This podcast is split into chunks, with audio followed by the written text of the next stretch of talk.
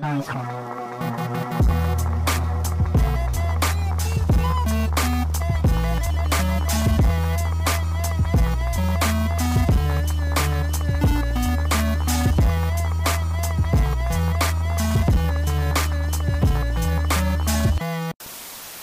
lagi di NWFM episode 51 Hari ini kita kedatangan Easy Lo, lo dipanggil Easy berarti sekarang ya? Udah bukan Vianjian sih Iya panggil Easy aja.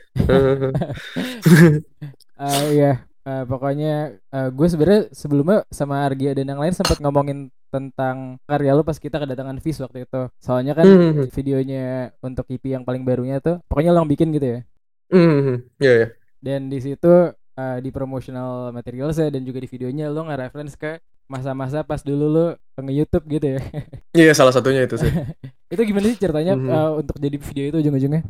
Sebenarnya tuh waktu itu em, yang datang ke gue tuh Adnan kan. Hmm. Em, karena kebetulan yang produce lagu itu, jadi kan itu di EP-nya Fist itu kan yang Uang Muka itu kan ada ada beberapa lagu dan setahu gua ya, setahu gua em, tiap lagu tuh kayak hasil apa ya? Mungkin bukan hasil, mungkin lebih kayak mungkin bukan hasil atau representasi, tapi eh, ada satu personil yang lebih yang lebih hands on lah di per Hmm, lagu hmm, dan hmm. kebetulan modifikasi itu lagunya Adnan Hmm. bisa dibilang gitu.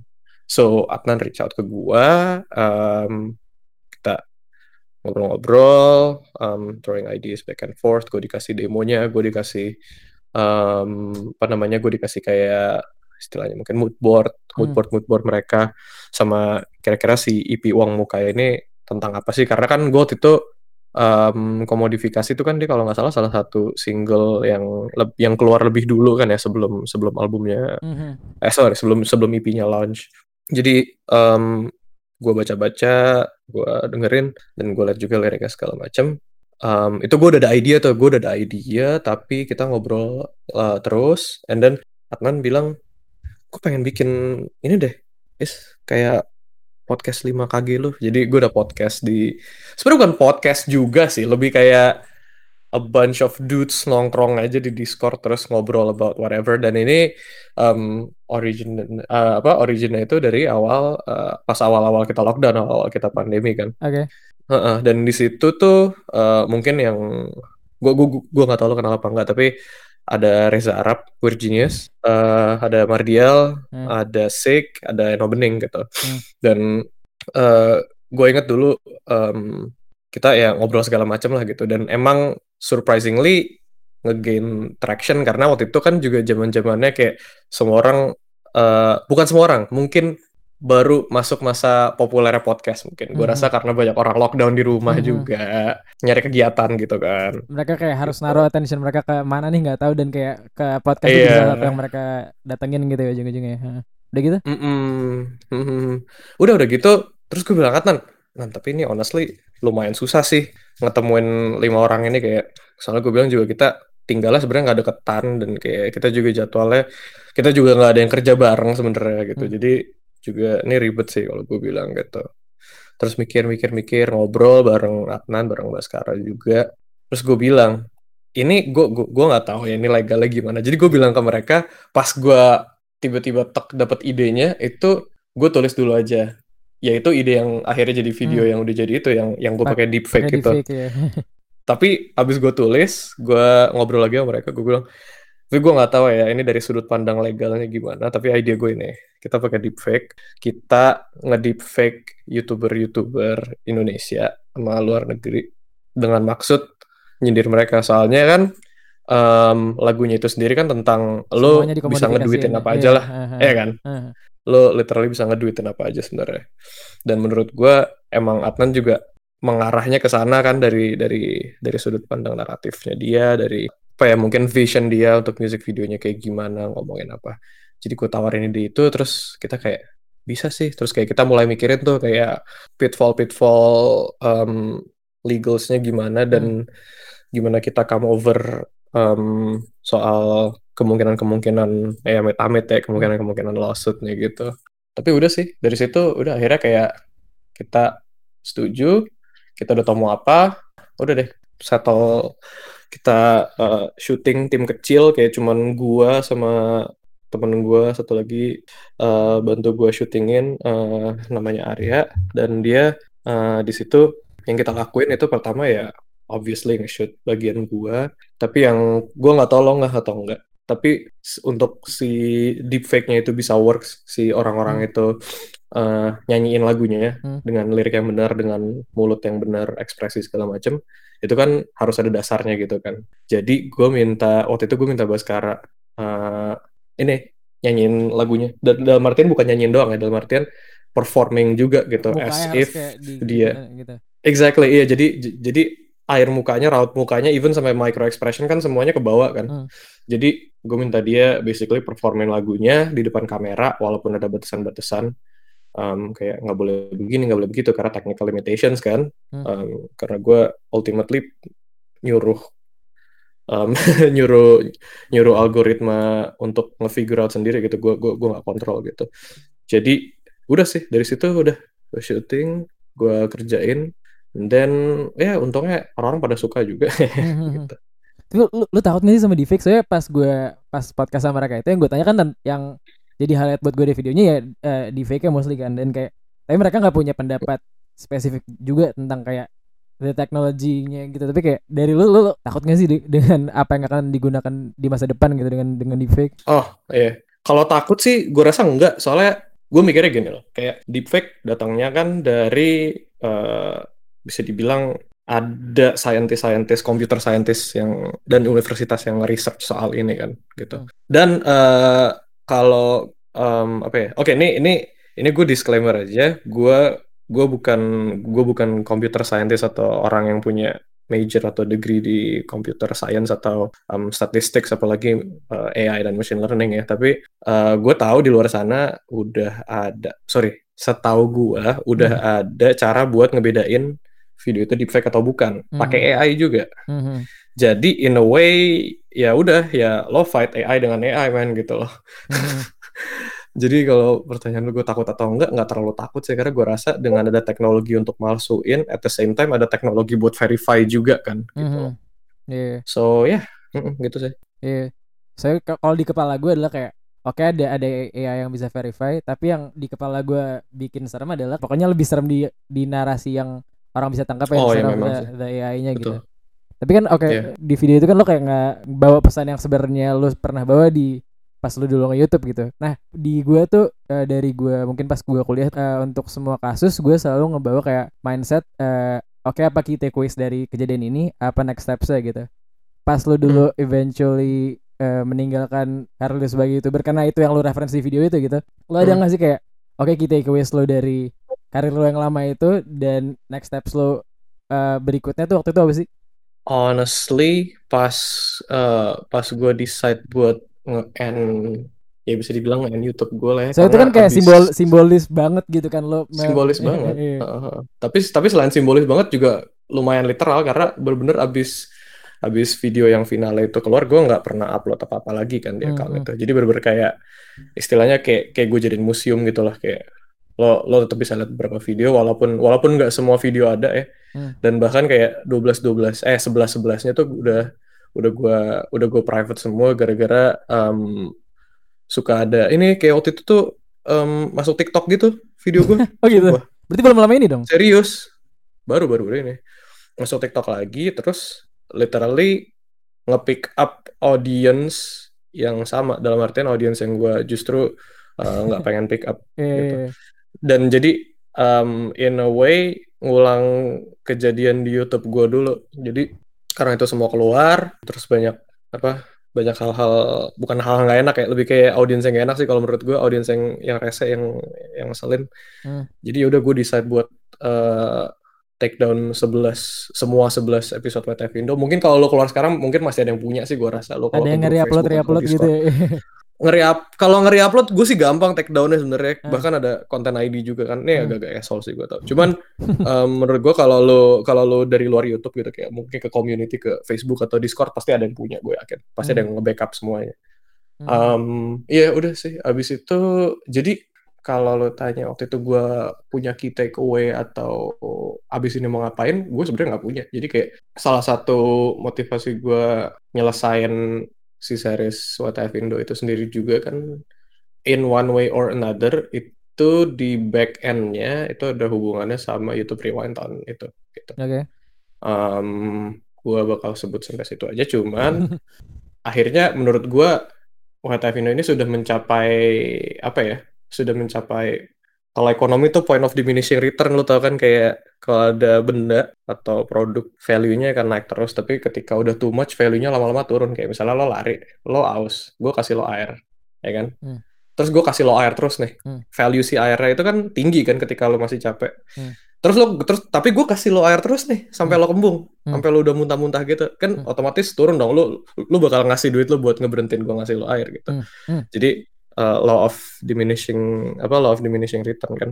Sampai istilahnya kalau barang khasiatnya udah nggak ada gitu. Nah itu menurut gue buat Indo nyampe ke titik di finale itu menurut gue itu udah prime point um, istilahnya apa ya mungkin return saya gitu. Jadi kayak kalau gue lanjutin nggak ada faedahnya menurut gue ngapain? Mm -hmm. gitu loh.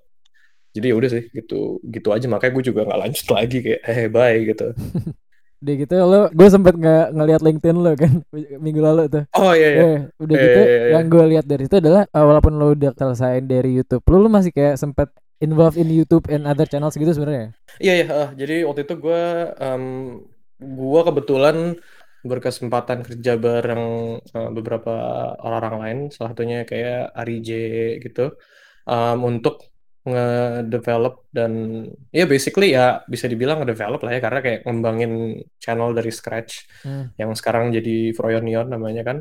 Hmm. dan iya sih iya lo ya, lo, lo bener sih. Gue even ketika itu wait wait a minute. Bentar. No, no man. Gue oh, udah selesai? WTF Indo selesai. Sel iya WTF Indo selesainya itu gue udah nggak involved di Froyonion oh, oke okay, jadi okay, timeline gue salah berarti uh, okay. iya, iya iya iya. Cuman ya cuman cuman ya nggak salah juga sih. By ketika gue masih ngerjain WTF Indo, Froyonion juga sambil gue develop on the side gitu kan. Oke okay, oke. Okay. Or WTF Indo yang on the side. Uh. However you see it. Uh-huh. Um, ya gitu sih tapi. Tapi berarti kayak pas lo lo tinggalin lo tinggalin sekalian gitu. Iya, yeah, WTF Indonesia berarti itu project YouTube terakhir gue bisa dibilangnya. Oke. Okay. Udah gitu uh-huh. kalau gue lihat lo lanjut di bareng family dan gue sempet nonton videonya juga sih sebelum gue tahu kalau misalnya lo kerja di situ. Soalnya gue pernah nonton video yang apa ya? Gue lupa nama artisnya yang kayak di kota masa depan gitu apa sih nama eh, lu kayak bikin video klipnya kan kalau nggak salah ya baru apa udah lama aduh gue nggak tahu tahunnya sih eh tahun lalu apa gimana lu antara tahun lalu atau dua tahun lalu lu bikin video banyak berarti pas di situ ya Role lu sebagai apa sih? Ah iya, lumayan. Gue gue sebenarnya sama mereka kan, uh, eh, gue sebenarnya mereka tuh freelance gitu kan. Dalam dalam artian freelance bukan kayak freelance gitu, tapi lebih kayak um, project project, project gitu. Jadi ah. juga, ya position gue juga nggak pernah fixed sebenarnya gitu loh. Hmm. Jadi kalau tanya gue position gue apa ya? Mungkin kayak video producer, VJ. Okay. I guess. Ya yeah, oke. Okay. Uh, gitu sih. Uh, lu uh, kayak nge-pick up bukan skill apa namanya? Bidang kalau VJ itu yang mereka lakukan berarti kayak ngebuat gue nggak tahu nama nama teknisnya apa sih? Ya ini sih ya producing producing kontennya sama sama performance-nya kan. Oh, gitu. Nggak, nggak, nggak, nggak necessarily kayak 3D the video. Nggak necessarily 3D gitu. ya ya. Oh. Se se sebenarnya kan kayak gue kalau gue sih ya nggak nggak tahu ya VJ lain di luar sana. Kalau gue sih ngeliatnya mungkin kebet karena kebetulan gue bisa nge-DJ juga, gue ngeliatnya nge-VJ itu mirip kayak lo nge-DJ gitu kan.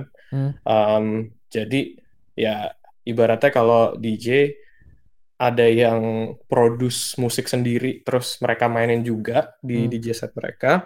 Ada juga DJ yang um, mereka mungkin nggak produce musik sendiri tapi mereka uh, fokus jadi DJ aja gitu ya hmm. kan.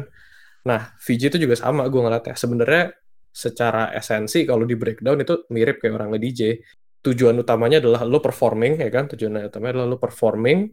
Um, mau gayanya pakai 3D mau gayanya pakai ilustrasi atau video live action atau bahkan mungkin lo mau iseng pakai tinta sama proyektor terserah lo lah ya hmm. um, itu gimana aja bisa caranya ya kayak kalau lo nge DJ kan lo sebenarnya mainin lagu apa aja nggak ada masalah ya nggak hmm. ada nggak ada aturan sebenarnya kan hmm. ya.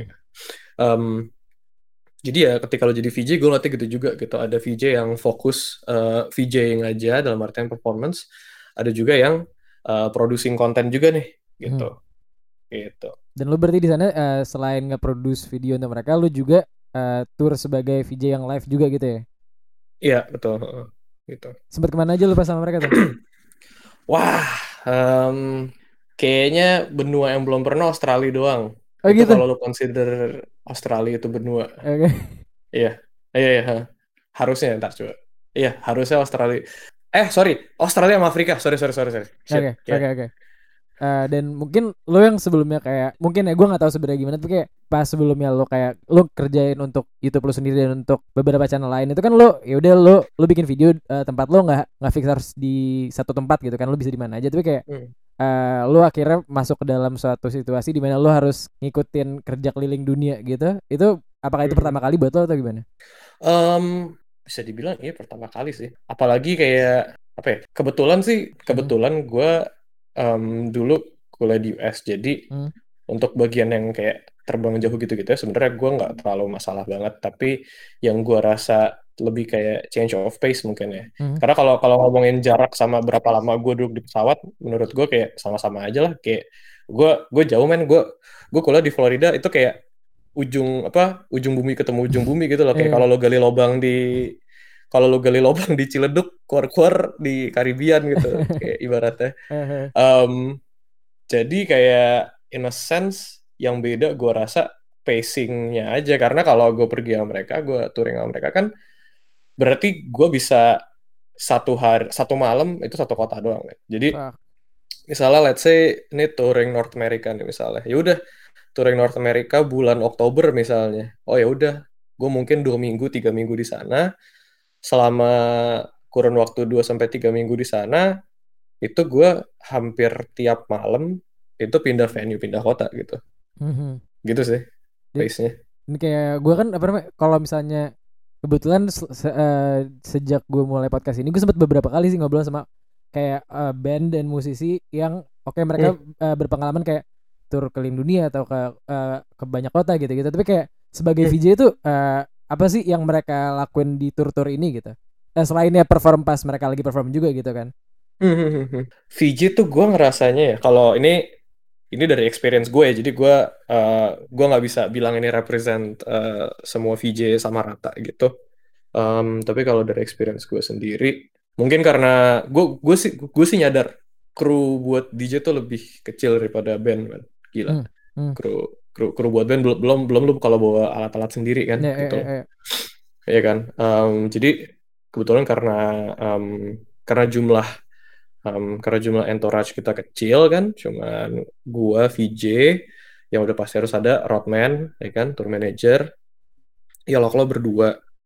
Habis itu biasanya mereka bawa fotografer sendiri, tapi itu nggak selalu. Hmm. So ya biasanya kayak 4 5 mungkin maksimal enam orang gitu kita touring bareng and then dari situ yang gua yang gua rasa gua kerja paling dekat itu justru sama justru sama tourman sama sama roadman sama sama tour manager hmm. selain sama yellow clownnya juga karena kayak yang ngurusin apa namanya istilahnya yang yang punya kontak sama technical director atau mungkin kayak venue manager di kota berikutnya atau kota yang kita touringin di bulan ini itu kan pasti roadman kan gitu hmm. juga yang nge-introduce gue di email biasanya dia gitu and then nah kenapa deketnya juga sama sama tour manager daripada sama artisnya langsung um, karena gini kayak kalau lo kalau lo kalau lo sound check sebenarnya kan yang lu cek sebenarnya kan requirements lu aja. Ini ya agak-agak teknis nih, maaf ya. Oh, pasti ada yang ngerti juga sih. Um, iya iya pasti iya pasti ada yang pengen ngerti juga. Um, iya kalau gua ngeliatnya ketika lu sound check kan lo pasti ngecek apa sih? Monitor dulu monitor wedge bener apa enggak nih mm-hmm. levelnya? Ya kan? Mic lo gimana? Habis itu kayak signal signal routing lo signal flow lo gimana nih? Dari alat ke house ke monitor di stage. Dan generally bedanya cuman mungkin bedanya minor gitu loh dari satu kota atau satu venue. Hmm. satu sama lain gitu. Paling kayak oh nih merek speakernya beda atau setupnya beda dikit atau jumlah speakernya beda jumlah venue jumlah wattnya beda. Mungkin gitu-gitu doang. Tapi kalau lo nge-VJ karena stage itu nggak ada standarnya hmm. kayak kayak kayak sound system tiap venue tiap kota itu bedanya bisa drastis oke okay. jadi bisa malam ini gue main di venue yang mungkin layarnya cuma satu mungkin cuma, cuma satu kotak widescreen doang gitu mm -hmm. tapi besok malam gue main di stage yang um, layarnya bentuknya bulat terus ada enam layarnya gitu okay. terus di DJ booth ada satu layar lagi and then di ceilingnya ada layar juga misalnya kayak gitu hmm. ya udah gue kalau kayak gitu berarti buat yang hari ini gue nggak usah nyiapin ibaratnya gue nggak usah nyiapin apa cuman satu layar doang lah cuek gue hmm. mending malam ini gue spend waktu buat nyiapin besok nih karena harus baiknya di gitu. mapping di muka iya itu dia mirip kayak ya mirip mungkin mirip kayak orang programming lampu sih ya hmm. gitu jadi kayak kerjaan gue sebagai VJ sebenarnya ngecek email follow up io kalau lamban reply emailnya. Um, jatuhnya jatuhnya banyak administrasinya juga sih sebelum hari H. Hmm. gitu loh. Terus kayak kalau masalah konten mah gue nggak pusing kan. Namanya tiap malam setlist mereka paling bedanya tipis-tipis kecuali ada event tertentu kan. Hmm. jadi gue udah tahu mau mainin apa. Yang yang yang yang paling yang paling makan waktu menurut gue tuh ngerapihin mapping ngerapin video mapping. Buset. Tuh kalau beda-beda banget saya gede Iya beda-beda banget. Jadi gue nggak bisa kayak gue punya satu preset terus gue leha-leha gitu satu hmm. satu tour satu bulan nggak bisa gitu nggak mungkin. Jadi gitu deh. Jadi karena lo kayak Kerjaan untuk untuk setiap apa namanya uh, untuk setiap titik itu lo harus uh, mungkin nyiapin sesuatu yang baru apa mapping yang baru gitu. Lo hmm. ada waktu nggak sih selama tour untuk kayak uh, bikin video untuk lo sendiri atau untuk uh, artis lain? Misalnya kayak lo, saya lo juga gue pernah nonton yang video buat Danila juga itu itu kan kayak lo bikin full 3D gitu kan. Nah itu yeah. tuh apakah membuat sesuatu kayak gitu itu memungkinkan saat lo tour atau benar-benar nggak ada waktu buat bikin kayak gitu? Memungkinkan tapi gue bakal repot banget. Okay. tapi eh uh, tapi bukan berarti nggak pernah gue lakuin ya. Beberapa project gue di luar sana itu ada yang dikerjainnya tengah-tengah gue touring. Okay. atau in between. Danila tuh salah satunya musik video dia yang lagu lain itu yang full animation itu. Itu gue uh, gue gue gue gue dikasih waktu buat ngerjain itu sorry dikasih waktu atau punya waktu gue nggak ingat. Hmm. tapi yang jelas gue ngerjain itu kalau gue nggak salah itu within satu minggu. Uh, dari dari dari rough sketch sampai jadi sampai render bungkus upload MP4 itu kayak satu minggu. Dan gue inget uh, hari H gue berangkat terbang itu paginya gue masih beres-beres rendering. Gue gue gue masih render render pagi di rumah. Mm -hmm. jadi as soon as itu beres laptop gue bungkus gue langsung berangkat ke bandara gitu. Habis itu gue gue langsung gue gue kirim email ke dia. Kirim email ke Danila. Udah habis itu pas gue lagi transit di mana gue baru lihat feedbacknya gitu kan. Untung apa kayak oh ya lancar semuanya ya ada ya ada ya ada. Udah tinggal masukin details tambahan-tambahan kecil. Dan ya udah jalan aja. Hmm. gitu. Kalau misalnya dari kayak perjalanan lo uh, mengerjakan video uh, terutama animasi gitu pas lo bikin video hmm. untuk lagu lain itu tuh kayak tuh lo lagi, lagi di titik mana tuh kayak uh, ntar ujung-ujung kita bakal kayak ke gimana lo sekarang ya tapi kayak pas waktu itu tuh lo hmm. ngerasanya lo uh, dengan karya animasi lo tuh lo uh, di entah titik mana atau di level mana sih untuk lo pribadi hmm. tapi ya hmm. Uh, kalau kalau nyebut level sih gue kayaknya nggak bisa bilang deh karena gue juga nggak bisa gue juga nggak bisa ngukur kan gue gue juga iya. gue nggak bisa gauging sendiri kan gitu um, tapi mungkin secara subjektif gue ngeliatnya waktu gue ngerjain uh, music video lagu lainnya Danila itu itu gue kayak masih figuring out apa yang bisa gue kerjain di medium 3D sama yang nggak bisa gitu loh. Okay. Karena gini, um, kayak tiap orang kan beda-beda ya. Hmm. Dalam artian ada orang yang lebih suka belajar dulu kelar tuntas sampai apa ya sampai clear semuanya udah lu, lu udah ngerti semua pengetahuan yang perlu lo tahu and then baru lo kerja. Terus ada orang-orang kayak gue yang kayak hehe lo bikin apa? gitu. Terus kayak oh, lo bikin itu. Terus gue terus gue ditanya balik misalnya sih lo bisa kan ngerjain ngerjain A? gitu. Hmm. gue kayak eh ya bisa gue coba sih gue gue bakal bilang gitu yeah, yeah. and then prosesnya bisa dibilang gue figuring out as we go as I go itu sering banget kayak gitu. Jadi itu gue sering kayak kalau kata orang mungkin lari sebelum belajar jalan ibaratnya. Mm-hmm.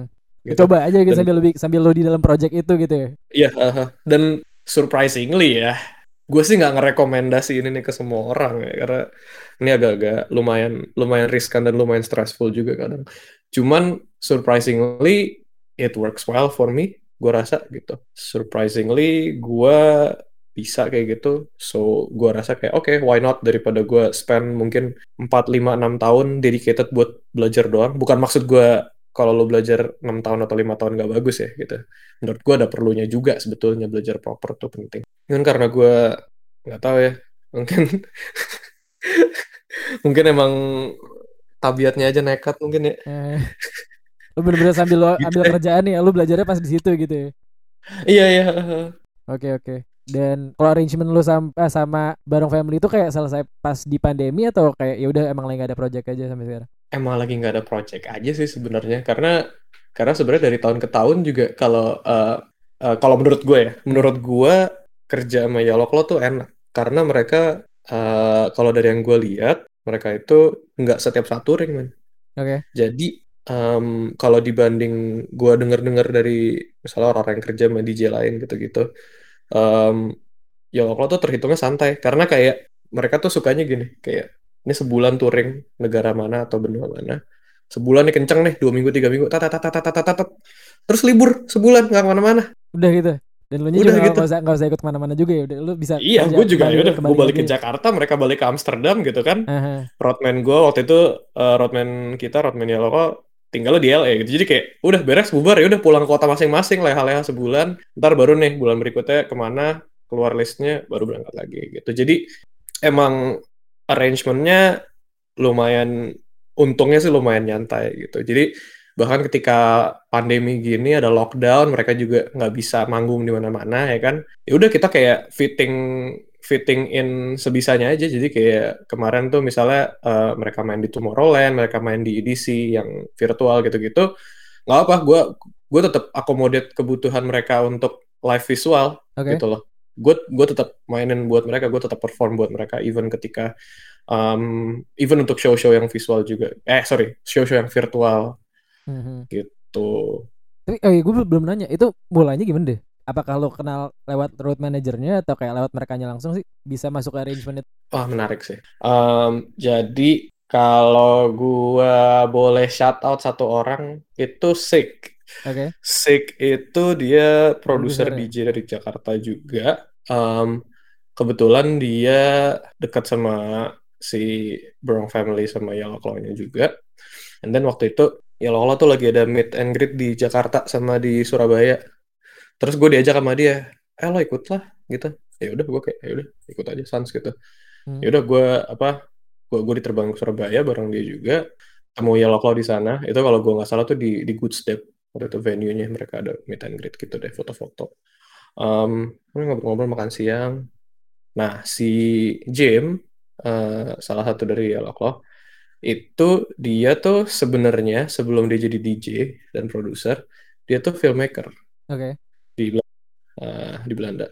Dan um, akhirnya gue sama dia nyambungnya itu ngobrol ini ngobrol film. Karena kebetulan background gue juga kuliahnya film okay. gitu. Dan medium yang paling gue ulik at that point in life itu uh, motion picture okay. film kan gambar bergerak ya mau film pendek mau video YouTube mau film panjang iklan whatever it is gitu. Um, jadi kita nyambung ngobrol dan udah tuh. Nyambung ngobrol keep in touch aja sans gitu. Udah beres and then few months later uh, gue ditawarin eh lo mau ngerjain music video buat Yellow Claw ini mereka ada lagu kayak gini lo bersedia bikinin nggak? Gitu. Oh ya udah. Gue kayak gue denger lagunya lagunya oh shit asik nih gitu. Terus gue um, ya udah gue gue throw in uh, Enggak, sorry. Bukan gue yang throwing ideas. Gue inget mereka requestnya tuh cuman kayak ya yeah, make it crazy do whatever you want. Gue kayak oke. Okay. oh, fuck oke okay, I guess. Ya udah kayak yaudah gue kerjain. Gue kerjain mereka suka videonya chaos. Uh, chaos bagus kan? dan Apa jadilah. chaos gimana? Chaos bagus kan kenapa? Chaos bagus kan? Chaos bagus chaos oh, iya. bagus. Menurut gue sih chaos bagus ya nggak tahu menurut orang. Um, ya udah dan terjadilah music video do you like bass. Itu itu project pertama gue sama Yellow Claw um, dan and in extension with Brown Family juga gitu. Udah keluar Do You Like Bass music videonya jadi and then nggak lama setelah music video itu keluar mereka bilang eh kita um, Januari ntar mau tour ke China nih. Um, gue denger lu VJ juga ya karena waktu itu mereka lagi nyari VJ touring VJ juga okay. gitu gitu. Dan touring VJ untuk DJ itu sebenarnya tuh nggak wajib menurut gue nggak nggak kayak kalau lo performer lo wajib punya roadman. Sebenarnya bisa lo nggak punya roadman, tapi lo mesti ngurus sendiri kan. Mm-hmm. Dengan resiko-resiko yang ada, mungkin lo keteteran, mungkin lo kelupaan atau apa gitu. Cuman kan makanya yang biasanya esensial untuk artis, untuk musician ketika mereka touring kan, ya kalau menurut gue sih role deh itu penting um, VJ sendiri nggak wajib sebenarnya cuman waktu itu mereka actively mulai nyari and then karena gue pernah ngerjain music video mereka dan Sik juga bilang gue nge-VJ yaudah gue ditawarin tuh terus gue kayak oke okay, sure ya yeah. yaudah um, gue quit uh, gue quit di job gue tapi waktu itu tuh gue nih ini lumayan lucu sih no, no. gue nanya temen gue di kantor waktu itu waktu itu lo kerja apa nih kalau tahun nih gue kerja di creative agency gitu oke okay. oke okay. gue kerja di creative agency waktu itu um, gue tanya temen gue eh kalau gue kalau gue cuti sebulan menurut lo gimana? Terus kata teman gue cuman kayak lo masih punya muka apa enggak cuti sebulan? Nggak pernah tuh ada orang cuti sebulan kayak cuti hamil ya soalnya. Oh, iya, iya iya makanya. Orang cuti orang apa yang yang bisa cuti lebih dari seminggu berturut-turut itu cuma cuti hamil. Pan gue kagak hamil ya. Terus gue kayak anjing gimana ya? Adalah it lah udah. Udah udah jadi gue gue gue quit job gue dari creative agency itu. Terus gue pergi touring sama Yellow Claw di China. Sebulan men. Ya emang nggak sebulan 30 hari banget atau 28 hari banget tapi effectively sebulan sih jatuhnya 22 hari men. Mm -hmm. Du mungkin 23 itu kita touring gue inget 21 kota di China. 21 kota 21 hari. Ya 21 kota dalam 22 23 hari itu. Oke. Okay. gitu jadi intens banget dan untungnya ya untung untungnya sih kita fine untungnya kita fine fine aja gitu hmm. padahal kayak mungkin bisa dibilang baru kenal beberapa bulan tapi uh, gue touring sama mereka dan mereka willing untuk uh, kalau gue sih ngeliatnya mereka willing untuk kompromi dengan segala kekurangan gue waktu itu maksud gue gue kan kayak satu gue nggak pernah jadi touring VJ kedua banyak stage. Gue gue gue nggak punya pengalaman main di stage yang gede-gede banget. Hmm, gitu. karena di Indonesia juga belum um, Megatron gitu-gitu nggak selalu ada gitu kan ya? Eh uh, ada sih sebenarnya cuman waktu itu kan gue banyakan main buat temen aja tuh. Kayak hmm. ya let's say ya kayak gue main buat Mardial gue main buat waktu itu ada uh, Shizumi Hijiko gitu-gitu. Uh, buat Sik gitu-gitu. Cuman ketika lo main buat uh, apa ya ketika lo main buat artis yang kalibernya beda hmm. otomatis productionnya juga expand gitu loh. Jadi yeah. honestly, to be honest, gue lumayan kaget sama change-nya gitu. Ternyata kayak, oh oke, okay, production mereka segede gini, gue harus keep up. Dan gue punya waktu 20 hari or less untuk gue keep up dengan ini gitu. Yeah, Entah yeah. gimana caranya. Jadi itu kayak, wah anjing itu bisa dibilang itu satu Januari hell sih men. Kalau dari dari sudut pandang orang apa ngebiasain pace sama ngebiasain skala produksi gitu kalau menurut gue. Mm-hmm. Cuman untungnya karena mereka willing to tolerate, karena gue juga ya gimana ya mau gak mau gue kejar juga karena kan nggak mungkin kayak gue tengah jalan breakdown terus gue minta pulang ya tai anjing apaan? Ciao gitu lo, Jakarta lagi tiba-tiba. lo kira lo masuk IPDN anjing gitu kan? Ditindas. Iya kan? Lo kira lo masuk IPDN apa ada masalah lo bisa pulang IPDN enak di mana? Di Ampera. Ini kan gue di negara orang anjir gitu. Ya udah kayak eh, mau gimana gitu. Eh. dikerjakan saja. Dan untungnya selesai dari tour itu mereka nawarin gue pergi lagi sama mereka dan by the time gue udah jauh lebih siap gitu dan mereka juga udah tahu what to expect segala macam gitu loh jadi ya gitu sih gimana gue bisa akhirnya touring VJ sama mereka gitu tapi berarti eh, lu ditawarin untuk ikut tour berikutnya tuh masih di tengah-tengah tour itu apa, apa pas selesai? Pas selesai sih seingat gue. Seingat gue ya, seingat gue pas selesai. Hmm. Nah gue penasaran soalnya kayak nah. bulan pertama sebulan setelah lo quit your day job, lo tour hmm. di Cina selama sebulan gitu kan?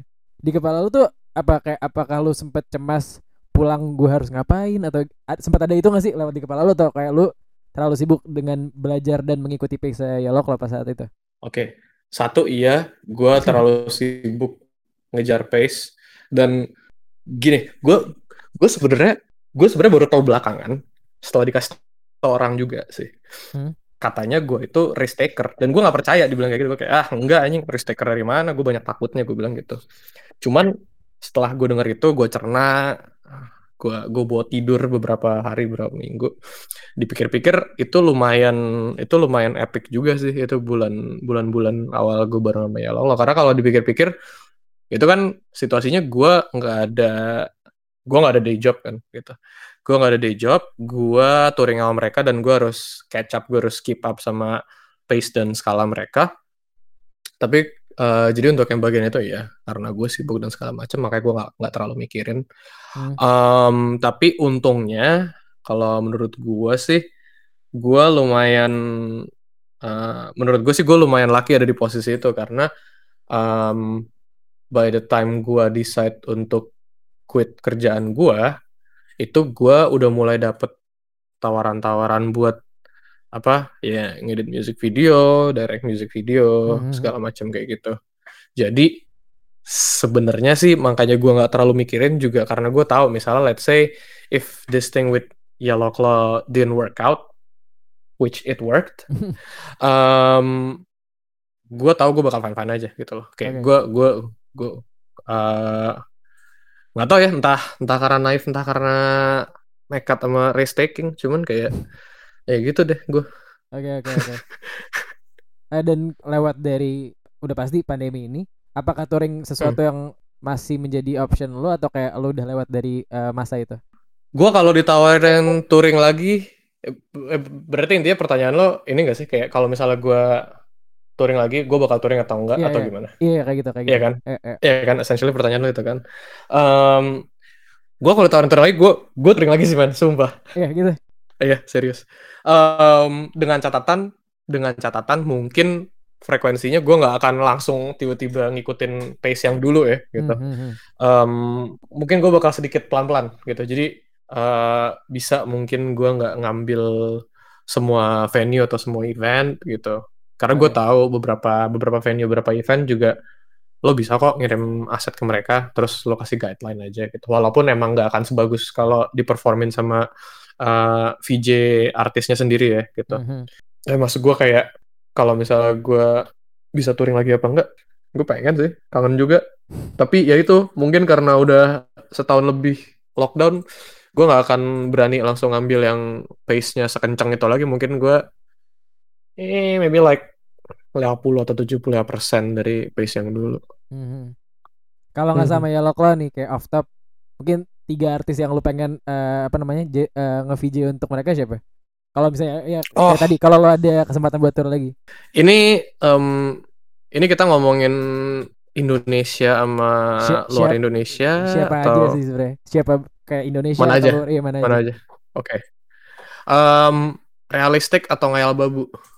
yang lu paling pengen aja sih saya kan kayak bahkan kemungkinan untuk nonton konser aja nih buat gue nih kayak gue gak bayang kapan bisa nonton konser yeah. kayak kalau lo udah bisa keluar dan lo bisa tur sebagai VJ lagi sama siapa pun tuh pengen siapa kayak tiga tuh mungkin deh Oke. Okay. Di kepala lo. List. Oke okay, oke. Okay. List gue soalnya bakal list gue soalnya ada dua. Oh dua. Uh, udah ada tuh dua. Menurut dua bukan bukan dua artis. Soalnya kayak menurut gue kalau lo tanya. Oh yang realistis sama yang lo ideal banget siapa? gitu. Ya? Iya. Oke. Okay. Yang realistis sama yang ngayal banget gitu. Oke, okay, dua dua itu aja coba. Misalnya yang realistis dulu. Yang yang ngayal dulu aja deh. Oke, okay, yang ngayal. Kalau yang ngayal ya, sorry sorry. jadi gue jadi gue ngatur aja.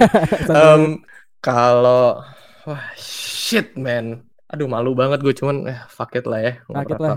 Kalau yang ngayal banget nomor satu sih menurut gue Skrillex man. Oke. Okay. Karena dia as a performer, as a DJ itu menurut gue uh, ultimate lah kalau menurut gue gitu. Hmm. Nomor dua tuh um, virtual self Okay. Lo tau virtual self Gua itu itu kayak side project kayak Porter Robinson gitu. Jadi instead of mainin kayak elektro elekt, apa ya uh, electro pop atau lebih kayak EDM dance gitu, virtual self tuh kayak project uh, teknonya Porter Robinson gitu. Oke. Okay. Itu keren banget, itu keren banget. Um, kalau yang ngayal satu lagi apa ya? Wah, kalau satu lagi kayaknya rapper siapa aja dah. Oh gitu. Belum pernah lo. Sorry. Sorry, sorry. Rapper yang gue dengerin deh, minimal gitu. Seperti kalau shit gue kalau ditembak sekarang. Rapper yang visualnya keren siapa? Oh, Vince Staples keren banget sih waktu itu pas gue nonton di WTF. Vince Staples keren. Vince Staples keren, Travis Scott keren, tapi oh, gue iya. gak terlalu dengerin Travis Scott. Um, Kanye obviously, cuman yeah. Dan dia ya, juga stage Kanye desainnya selalu geblek ya. Kenapa? Geblek banget ya. Stage design yeah, itu kayak gua, anjing keren banget. Gue rasa kalau ngomongin Kanye ya lo lo lo harus siap dengan segala keanehan-keanehan dia ya. Mungkin Childish Gambino mungkin ya. Oh iya, tahu ya. iya, keren, keren, keren. Namanya juga ngayal ya enggak? Iya, iya, iya. Gitu. Kalau realistis, okay. kalau realistis, kalau realistis menarik juga menurut gue. Nomor satu tuh sekarang kalau di list gue modern. Oke. Okay. Itu orang mana? Modern uh, ini oh, modern, dari oh, dari Jakarta. Yang yang modern di modern. Yang di saniter ya. Oke okay, oke okay, oke. Okay. Iya, iya, yang di saniter. Oke. Okay. Dan lu juga um, kerja itu... uh, lu ngerjain buat video paling baru mereka juga sebenarnya kan? Uh, ini uh, basically visual buat album mereka jadi kayak di YouTube di Spotify gitu-gitu. Mm-hmm. Jadi kalau ke Spotify mereka ke kanvasnya itu gua ke YouTube ada kayak official audionya itu gua bareng sama Sahid. Mm-hmm. Um, iya nomor satu di kepala gue mungkin modern ya kalau yang kalau yang realistis. Nomor dua siapa ya? Nomor dua ya lo lagi yang pasti. Tapi mm. mungkin gue remaster visualnya. Oke. Okay. tiga siapa ya? Oh bingung. Oh tiga either atau dua-duanya Mamang Casbor and or Mardial. Oke. Okay.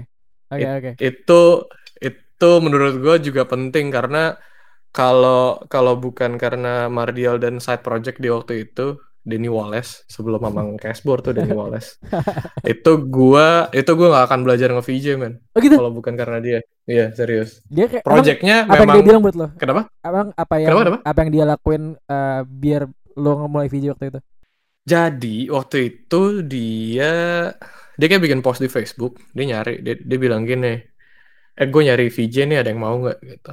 Oke. Okay. waktu itu gue waktu itu kayaknya gue masih gue kayak gue belum kerja di creative agency yang sebelum gue sama Yaklo itu yang terakhir itu. Uh, tapi gue tapi gue tuh di luar kota gue gue tuh di gue tuh di Bandung posisinya. Terus si Mardial kayak bilang kayak eh gue gue butuh VJ nih gitu post di Facebook terus gue reply gue bilang eh gue mau dong tapi gue nggak bisa nge VJ nih. Tapi gue tapi gue tahu VJ ngapain aja um, bisa bisa diapain aja bisa ke mana aja bisa gimana gitu. Tapi gue nggak punya technical know how-nya terus ya udah dia kayak ngasih tahu gue basic-basicnya gue figure out gue gue kulik berapa bulan. And then gue udah ready dia udah ready eh nggak jadi shownya. Ya udah deh. Oh gitu? Uh -uh. tapi dari situ dari situ gue jadi berani nge buat event-event di sekitaran teman-teman kita juga gitu. Mm -hmm. Jadi kayak udah gue gue gue mulai nge-VJ iseng-iseng gitu kayak hmm menarik juga nih nge-VJ. Bisa nggak ya gue lakuin ini full time? Eh, hey, fast forward kesampaian juga sih untungnya. Jadi Mardio yang yang ngebuat lo uh, mulai nge-VJ tapi apa namanya uh, lo pertama kali uh, nge-live di uh, nge-live VJ bukan sama dia? Sama dia waktu itu sama oh ujung-ujungnya jadi dia. waktu itu kayak hmm, untungnya un untungnya kesampaian juga sama dia sekali walaupun sekali dua kali lah sekali di satu event bass music gitu. Satu kali lagi di event ini di Jepangan. Mm, yeah. waktu itu Kizumi Yujiku ada Mardial ada Iki CVX ada yang lain-lain juga gitu ya fun sih dan iya bener kalau iya gue gue kalau ditanya pengen nge VJ buat siapa gue masih pengen nge VJ properly buat uh, Mardial atau kalau sekarang mungkin ada consideration untuk Mamang Casper juga ya gitu. Dan Mamang Casper salah satu album terbagus tahun lalu sih ya. Lumayan itu. Yang rilis Surprisingly ya. Gue juga kaget sih anjir. Kayak koheren ya gitu. Kenapa? Ini kayak saya kan ke sana kayak kayak kayak bercanda gitu dari judul-judulnya dan kayak bisa di Pornhub gitu. iya, gitu, tapi kayak iya. pas kok koheren dan bagus ya gitu kayak sebagai album itu iya. bagus gitu. Iya iya iya. Kalau menurut gue ya, nih ini sih ya opinion gue aja lah ya mungkin gue bias juga karena gue temenan sama dia apa, apa kalau menurut gue Mardial tuh salah satu produser yang paling efisien efisien dalam artian gini dia misalnya dia mau achieve sesuatu dia tahu dia mau apa hmm. dia bisa achieve secara secara tepat gitu loh misalnya hmm. kayak soto ayam Bukarti gitu dia pengen produce lagu lengkap dengan beat uh, liriknya, rimanya sampai adlibsnya segala macam dibikin persis sama lagunya Playboy Carti gitu. Dia bisa gitu loh. Yeah. Dia dia tahu dia dia spot on gitu loh. Yeah. Dan itu yang menurut gue bikin dia jadi produser yang oke okay banget sekarang. Salah satu produser yang oke okay, gitu. Yeah. Soalnya karena karena tahun lalu mungkin Joe Millen sama Mardial tuh kayak yang terkena va uh, vandalnya gitu. Tapi kayak di sisi lain ada ada si Mamang Casborni yang kayak underrated gitu. iya itu dia alter egonya dia. alter egonya Mardial. Iya keren keren keren. Eh tapi kalau yeah. lo realistis sih dengan kayak resume lo yang lo udah world tour beberapa kali gitu masa iya yeah. sih lo kayak masih bilangnya kalau misalnya lo tour atau paling gak manggung beberapa kali sama uh, Skrillex dan Porter Robinson itu nggak realistis sih. Masa dari Yellow Claw emang mereka nggak ada koneksi ke dia yang bisa nge-refer lo gitu? Um, nggak tahu juga ya. Gue gue nggak bisa bilang juga. Dan um, di luar sana gue ngeliatnya tuh uh, karena kan satu mereka dari dari negara yang beda kan. Gue gue rasa kalau misalnya ya lo tinggal di LA atau lebih sering di US mungkin lebih gampang gitu. Cuman kan enggak gitu. Ya lo kan mereka lebih banyak uh, spend waktu di Amsterdam kan gitu mm -hmm. um, jadi juga dari dari sudut pandang uh, koneksi mungkin walaupun ada tapi juga gue ngerasanya uh, tidak semudah itu Ferguson gitu. Oh, okay, okay. Gue juga gue gue juga nggak tahu ya mungkin nggak enakan juga mungkin kan kalau hmm. agak kan eh bro lo kenal ini nggak? Gitu. Terus kayak eh kenalin dong gitu. Nggak asik ya. Yeah, yeah, okay, jadi gue juga jadi gue juga biasanya nggak pernah actively nanya. Misalnya misalnya pun gue ada kayak kenalan atau koneksi buat nge-reach uh, ya let's say uh, Sony atau Porter gitu gue juga uh, segan juga sih gue buat buat shilling diri gue sendiri gitu. Kayak hello bro I'm I'm uh, I'm a VJ from from Jakarta hey. I would like to work with you ah tai ngapain nggak janganlah oke gitu. oke oke oh ya. gitu sih Uh, mungkin ini terakhir uh, dari apa namanya chapter VJ lu sebagai VJ kali ya sebagai apa namanya hmm. sebagai VJ mungkin yang gue pengen tanya kan oke okay, lu udah udah tur uh, keliling dunia gitu dan kayak uh, ya lu lu di situ sebagai VJ-nya gitu kan gue penasaran hmm. uh, dari semua apa namanya sets yang lu mungkin ikut tonton juga di festival-festival yang lu datengin yang paling bagus tuh lu lihat uh, apa namanya kayak uh, paket performance dengan visual yang paling bagus tuh siapa? Oh, artis atau event? Sorry. Uh, artisnya sih. Artis ya.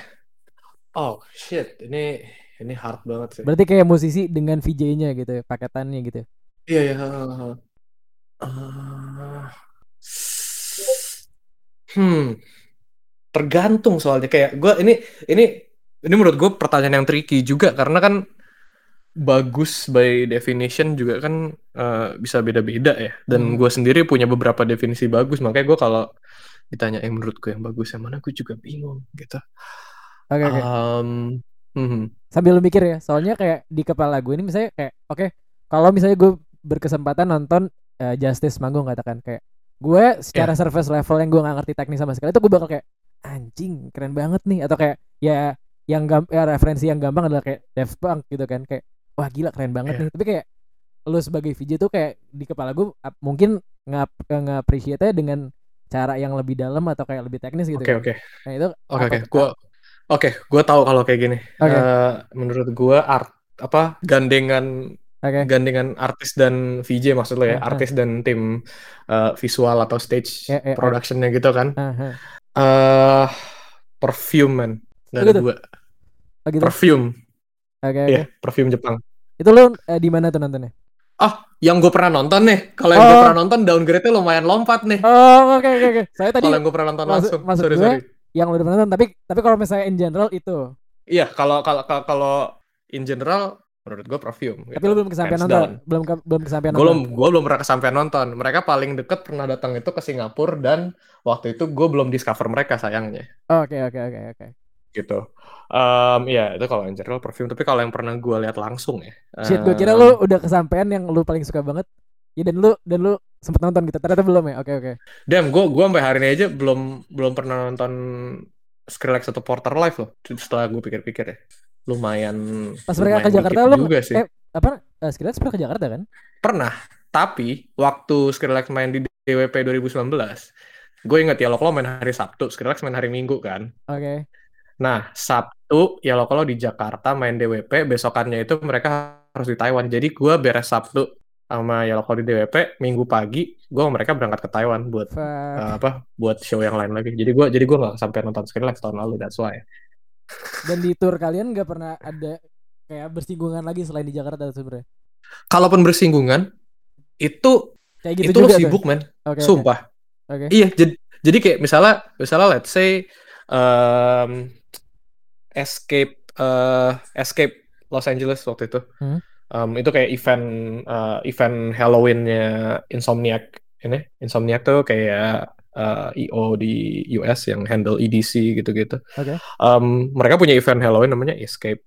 Itu itu menurut gue lumayan keren line up-nya konsepnya segala macam. Waktu itu gue main buat Yellow Claw. Cuman namanya lo manggung termasuk si Yellow Claw-nya juga secara realistis tuh there's no way lu nonton yang harinya sama sama lu misalnya let's say lu pengen banget nih datang ke show-nya siapa gitu. Hmm. Menurut gue, menurut gue dan sepengalaman gue ya, itu innovation aja kalau lu maksain nonton the whole show. Okay. Lalu lu hari yang sama lu manggung juga. Kecuali lu let's say lu mainnya super early banget atau super late banget gitu. Jadi kayak gue misalnya waktu itu di Escape LA gue pengen nonton Rest di situ ya nggak bisa walaupun satu beda panggung, kedua uh, jamnya deketan dan hmm. hmm, hmm. gue di venue dari jam 5 uh, eh sampai venue jam 5, mereka main jam 8, kelar jam 9. Itu pasti kayak jam jam 10 jam 11 udah beres manggung pun gue bakal prefer buat wind down di belakang daripada gue lanjut party lagi di luar karena daripada gue party lagi terus malah telat ya kan? Nggak yeah. ikut pick up balik ke kota berabe ah males gitu. Jadi um, realistically sih sebenarnya lo nggak ada waktu buat nontonin artis lain sih unless lo kayak beda hari gitu. Hmm. jadi nggak nggak seindah lo dapat tiket gratis buat nonton musisi-musisi lain ah nggak. nggak nggak gitu ya? nggak nggak nggak okay, nggak seindah itu. DWP aja gue nggak gitu men. Okay, lo bayangin okay. yang di yang di kota gue sendiri. Uh, uh, jadi kayak siang sound check balik ke hotel terus kayak nongkrong ikut mereka apa ada event signing atau apa gitu sore. Udah tuh jam 7 balik ke venue siap-siap ngecek front of house, um, nongkrong di green room karena mereka juga daripada nontonin bukan maksudnya mereka nggak mau nontonin DJ DJ temen juga ya, tapi kayak daripada lo spend energi atau lo nanti jadi telat manggungnya kan ya apa ya nggak praktis aja menurut gue gitu. Jadi akhirnya ya udah gue even di DWP aja gue paling cuma nonton yang sebelumnya lo kalau itu, itu pun karena gue setup setengah jam dibuka kan di ini di front of house. Mm -hmm. gitu. Jadi ya udah ya gitu deh. Oke oke oke. Tidak seindah itu. Oke selingan dulu buat yang lagi dengerin sekarang nih. Dan mungkin kalau kalian suka sama episode-episode kita dari kemarin ada beberapa pesan nih buat kalian. Gimana Gi? Ya uh, setiap episode kita kan perlu tenaga dan waktu terutama dari gua dan Nang sebagai host dan Kevin sebagai produsernya jadi kalau kalian suka dan mau support podcast kita, kalian bisa uh, support secara finansial via uh, halaman Saweria kita. Ada di saweria.co slash noitor. Uh, kalian bisa misalnya kalian nggak dapet uh, apa yang gue ngomongin sekarang kalian bisa cek di Instagram kita atau di Twitter semuanya ada uh, setiap support kalian itu berperan langsung ke kelangsungan podcast ini sih. Jadi uh, semoga kalian bisa, semoga podcast ini panjang umur dan semoga uh, ada support yang masuk dari kalian. Nah itu aja sih. Uh, Oke, okay. uh, berarti sekarang kita maju ke 2020 nih. Yang tadi gue bilang kayak, ya obviously semua orang pasti punya punya plans untuk setahun ke depan lah biasanya gitu kan. Kayak ya gue selama 2020 mau gini gini gini nih. Kayak 2020 awal lu tuh lu pengen ngapain aja tadinya? Uh, kayak selama setahun ke depan. 2020 awal tuh lumayan menarik. Soalnya kan dari 2019 akhir kan pasti udah nyiap nyiapin ya gak sih? Ya yeah, ya yeah. Dan um, gue nggak bisa cerita banyak soal ini karena uh, gue nggak pengen bocorin project ini terlalu banyak juga. Oke, masih ada beberapa Tapi, hal yang di pipeline lo berarti ya? Kenapa? Masih ada beberapa hal yang di pipeline lo yang belum di announce gitu berarti ya? Iya bisa dibilang kayak gitu. Oke okay, oke. Okay. Um, di awal 2020 tuh gue ada beberapa plan sama Feast, tapi kayak as we know it gitu, uh, 2020 happen gitu. Yeah, Jadi yeah. kayak eh, nggak ada manggung, nggak ada album baru, ya kan gitu. Jadi itu salah satu salah satu big plan bisa dibilang salah satu plan gue yang uh, yang harus dipospon sih gara-gara 2020. Oke. Okay. Gitu. Uh, Oke. Okay. Itu berarti uh, lu ada sesuatu yang besar dan itu selain itu lu emang gak ada rencana apa-apa lagi? karena waktu itu gue masih banyak kan sibuk sama Yellow Claw dan beberapa artis di Indonesia salah satunya Mavist. Honestly lumayan simple plan gue soal 2020 makanya uh, ketika lockdown terjadi dan harus nge-cancel atau nge-postpone beberapa plan, gue nggak terlalu ya I mean kalau kalau misalnya kayak rasanya kayak hurtful atau gimana ya ya pastilah ya.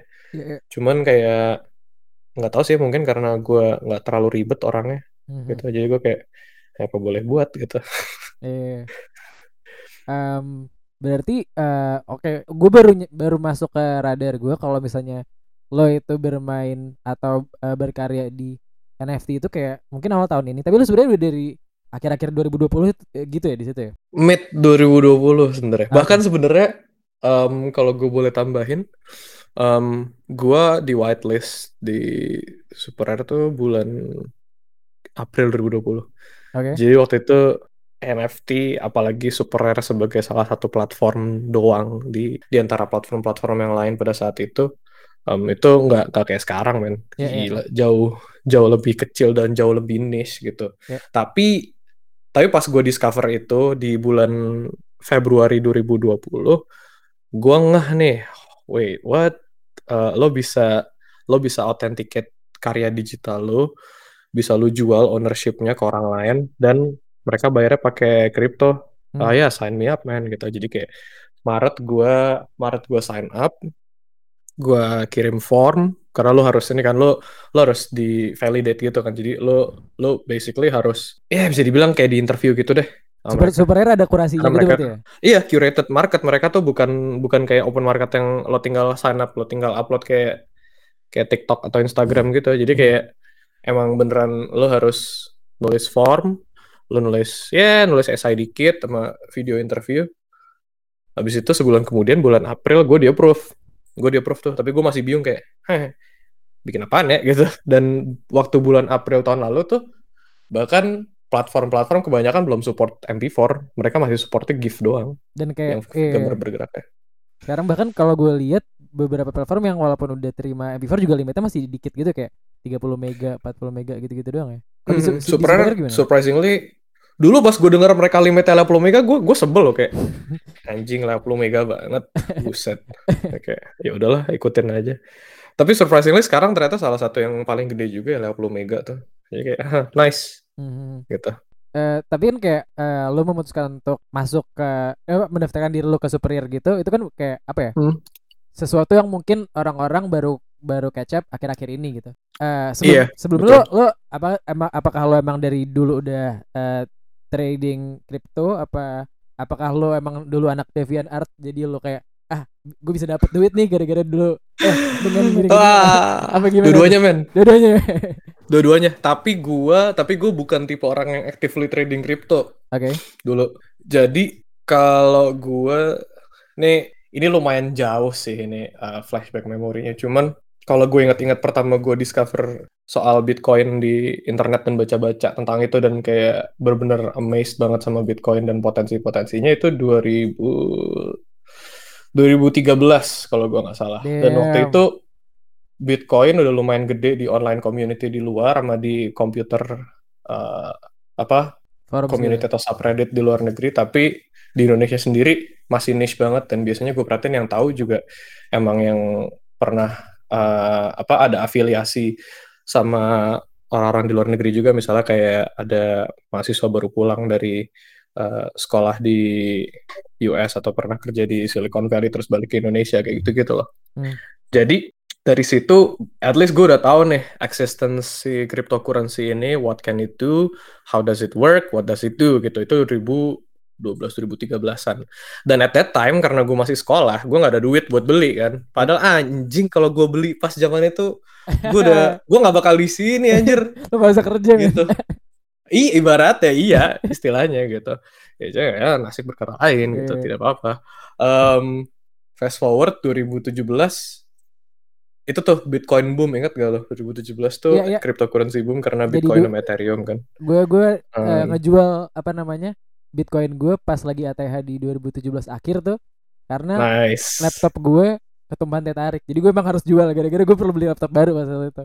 Jadi Dan waktu itu berarti lu wallet lo itu laptop lo ya dulu ya? Iya, dulu tuh jadi nice. gue sempat cerita nih pas minggu lalu gue sama uh, Fazia kan. Gue cerita kalau misalnya gue tuh naruh Bitcoin pas di Eropa itu kayak 60 jutaan. Gue taruh yeah. di laptop uh, gue yang lama gitu kan. Gue lagi uh. nugas, gue masih kuliah pas itu. Tumpahan teh tarik, gue bingung banget ini.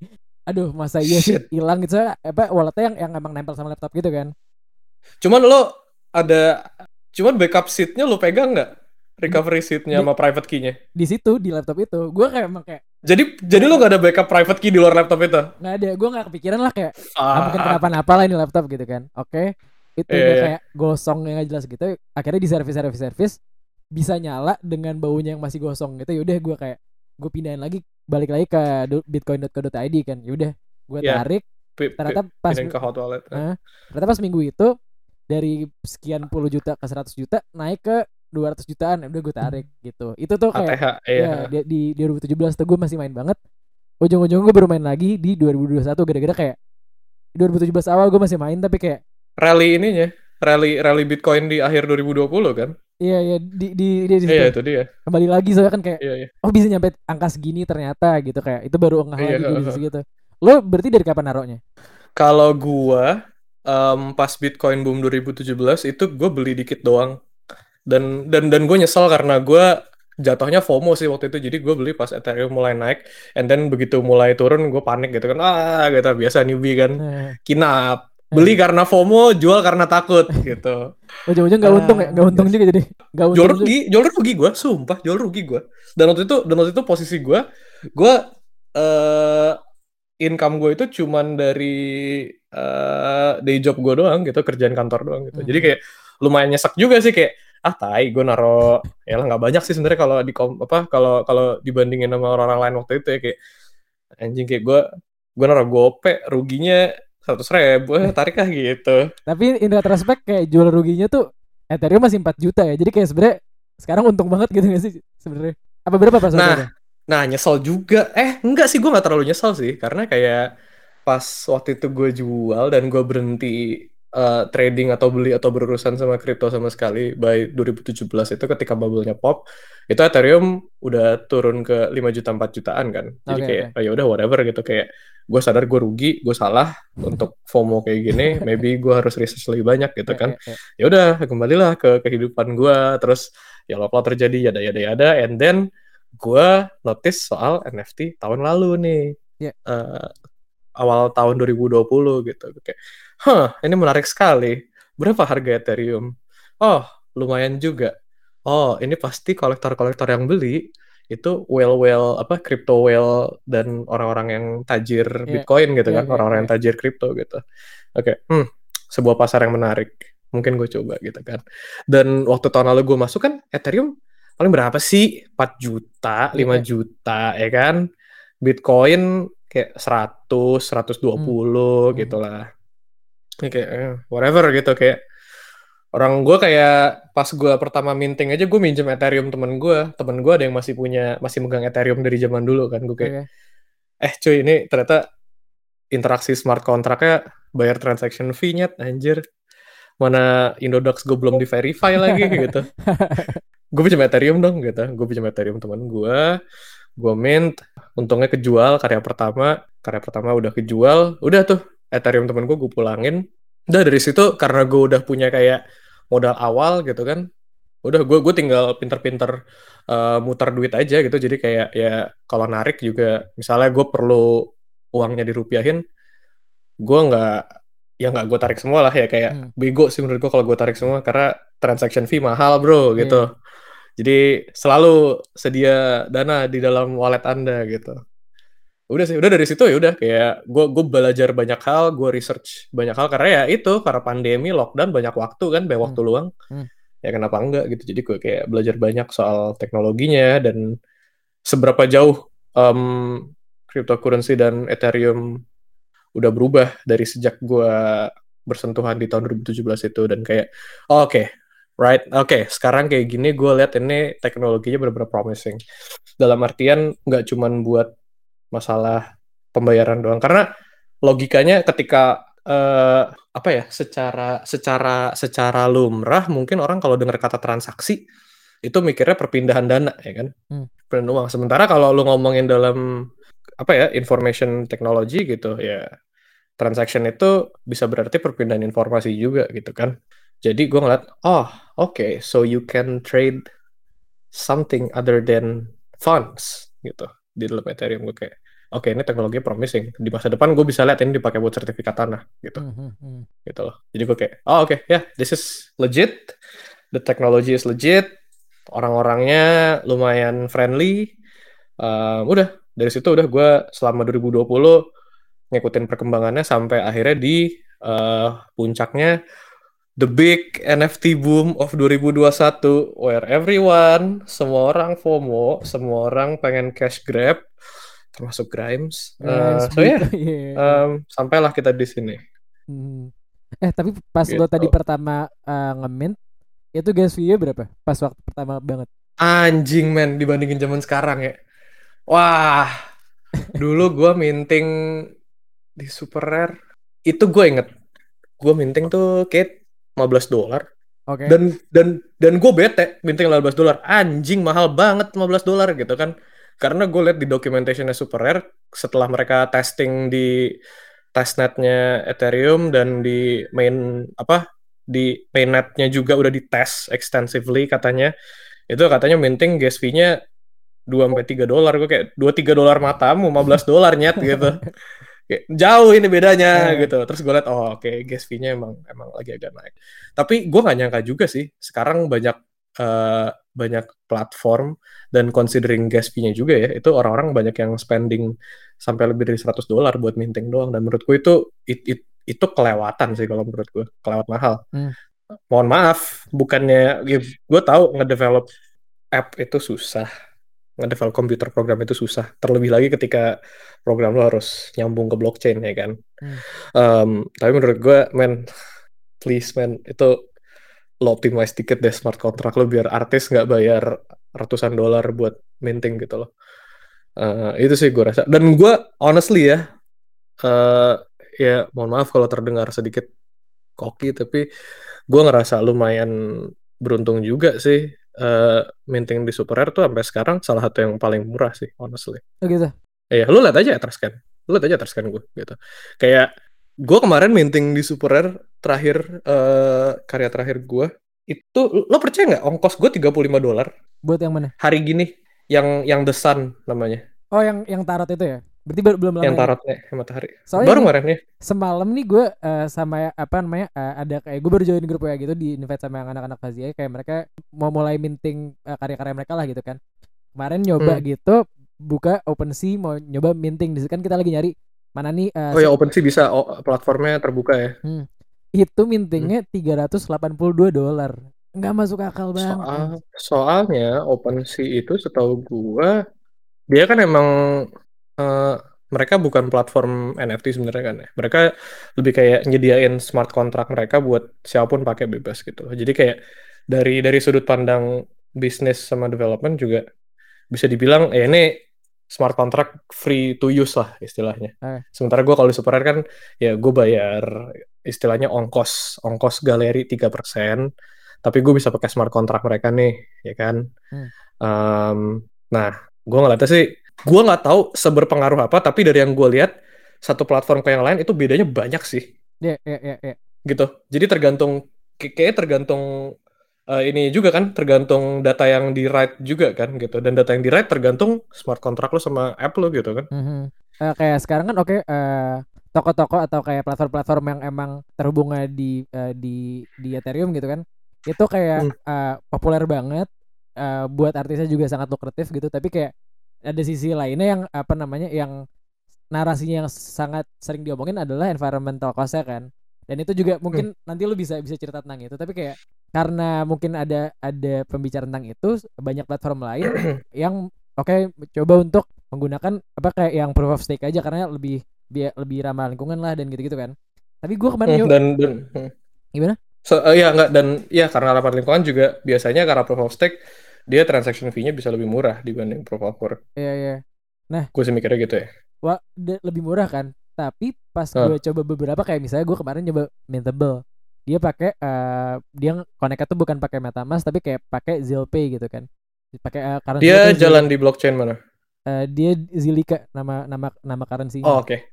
oke okay, oke okay. itu bahkan nggak lo mau oke okay, lo nggak connect nih lo mau create store aja nggak berhasil transaksinya gitu kayak oke okay, oke okay, lo lebih murah oke okay, uh, lebih ramah lingkungan tapi kayak bahkan belum stabil gitu kayak alternatif alternatif hmm. selain Ethereum tuh belum belum apa ya belum gua nggak nggak bisa sebenarnya udah ada. gitu kalau menurut gua udah ada satu. Yang dari ini ya dari dari observasi gue aja nih. Mm -hmm. jadi gue bisa salah sebenarnya. Cuman gue nemu satu platform. Gue nggak tahu cara baca gimana tapi namanya tuh Hikdenan. Iya, iya, iya. HIC Denan itu. Karena Hikdenan itu dia running di Tezos, Tezos, Tezos ya kan? Tezos, iya. Tezos itu liquid proof of stake, sistem konsensusnya. So in extension dia lebih supposedly lebih green, transaction fee lebih murah. Murah banget. Tapi dari yang gue perhatiin, app-nya sendiri itu masih banyak bug. Oh gitu? Yang lo sadar ada kayak apa aja yang aneh gitu? Oke, okay, salah satu bugnya adalah, let's say lo minting NFT A gitu ya. Oke. Okay. Lo bisa nggak sengaja, toto ada kebikin NFT kedua, oh, iya. tapi identik gitu. Iya. Jadi ini lumayan kalau menurut gue ketika let's say skenario nya gue mau bikin kayak multi edition mungkin nggak masalah tapi kalau gue mau bikin one single edition gitu ya, one iya. font ini problem gede banget men dan kayak ngeburn token tuh PR anjing gue yeah. gue pengennya kalau bisa gue nggak perlu ngeburn in the first place kan yeah, iya, harusnya yeah, yeah, yeah.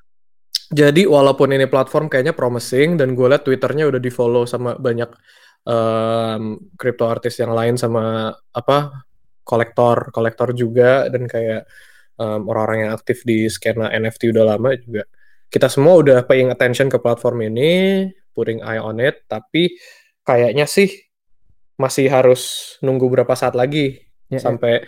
developmentnya lebih apa ya nunggu lebih jadi dikit lah appnya gitu. Hmm. Tapi ini udah jadi kalau menurut gue udah jadi salah satu platform yang uh, kayaknya menjanjikan.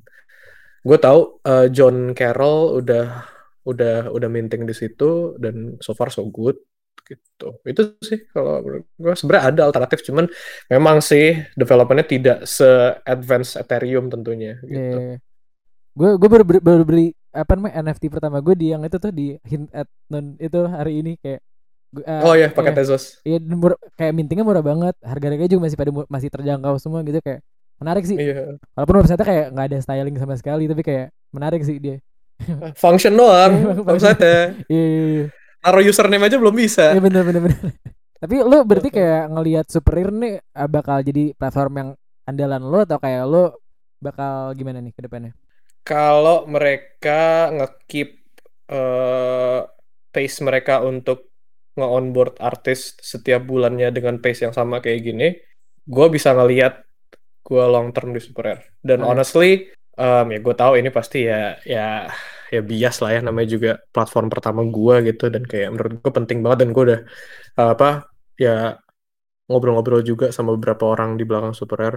Uh, untuk sekarang sih gue ngelihatnya gue ngelihatnya gue punya masa depan itu di mostly di Super Air, mainly di Super Air. Walaupun ada mungkin ada platform-platform lain yang jalan di kiri kanan, um, tapi mainnya tetap bakal di Super Air karena Super Air satu-satunya yang strictly harus one of one nih, harus cuman single edition nih, nggak boleh multi edition gitu.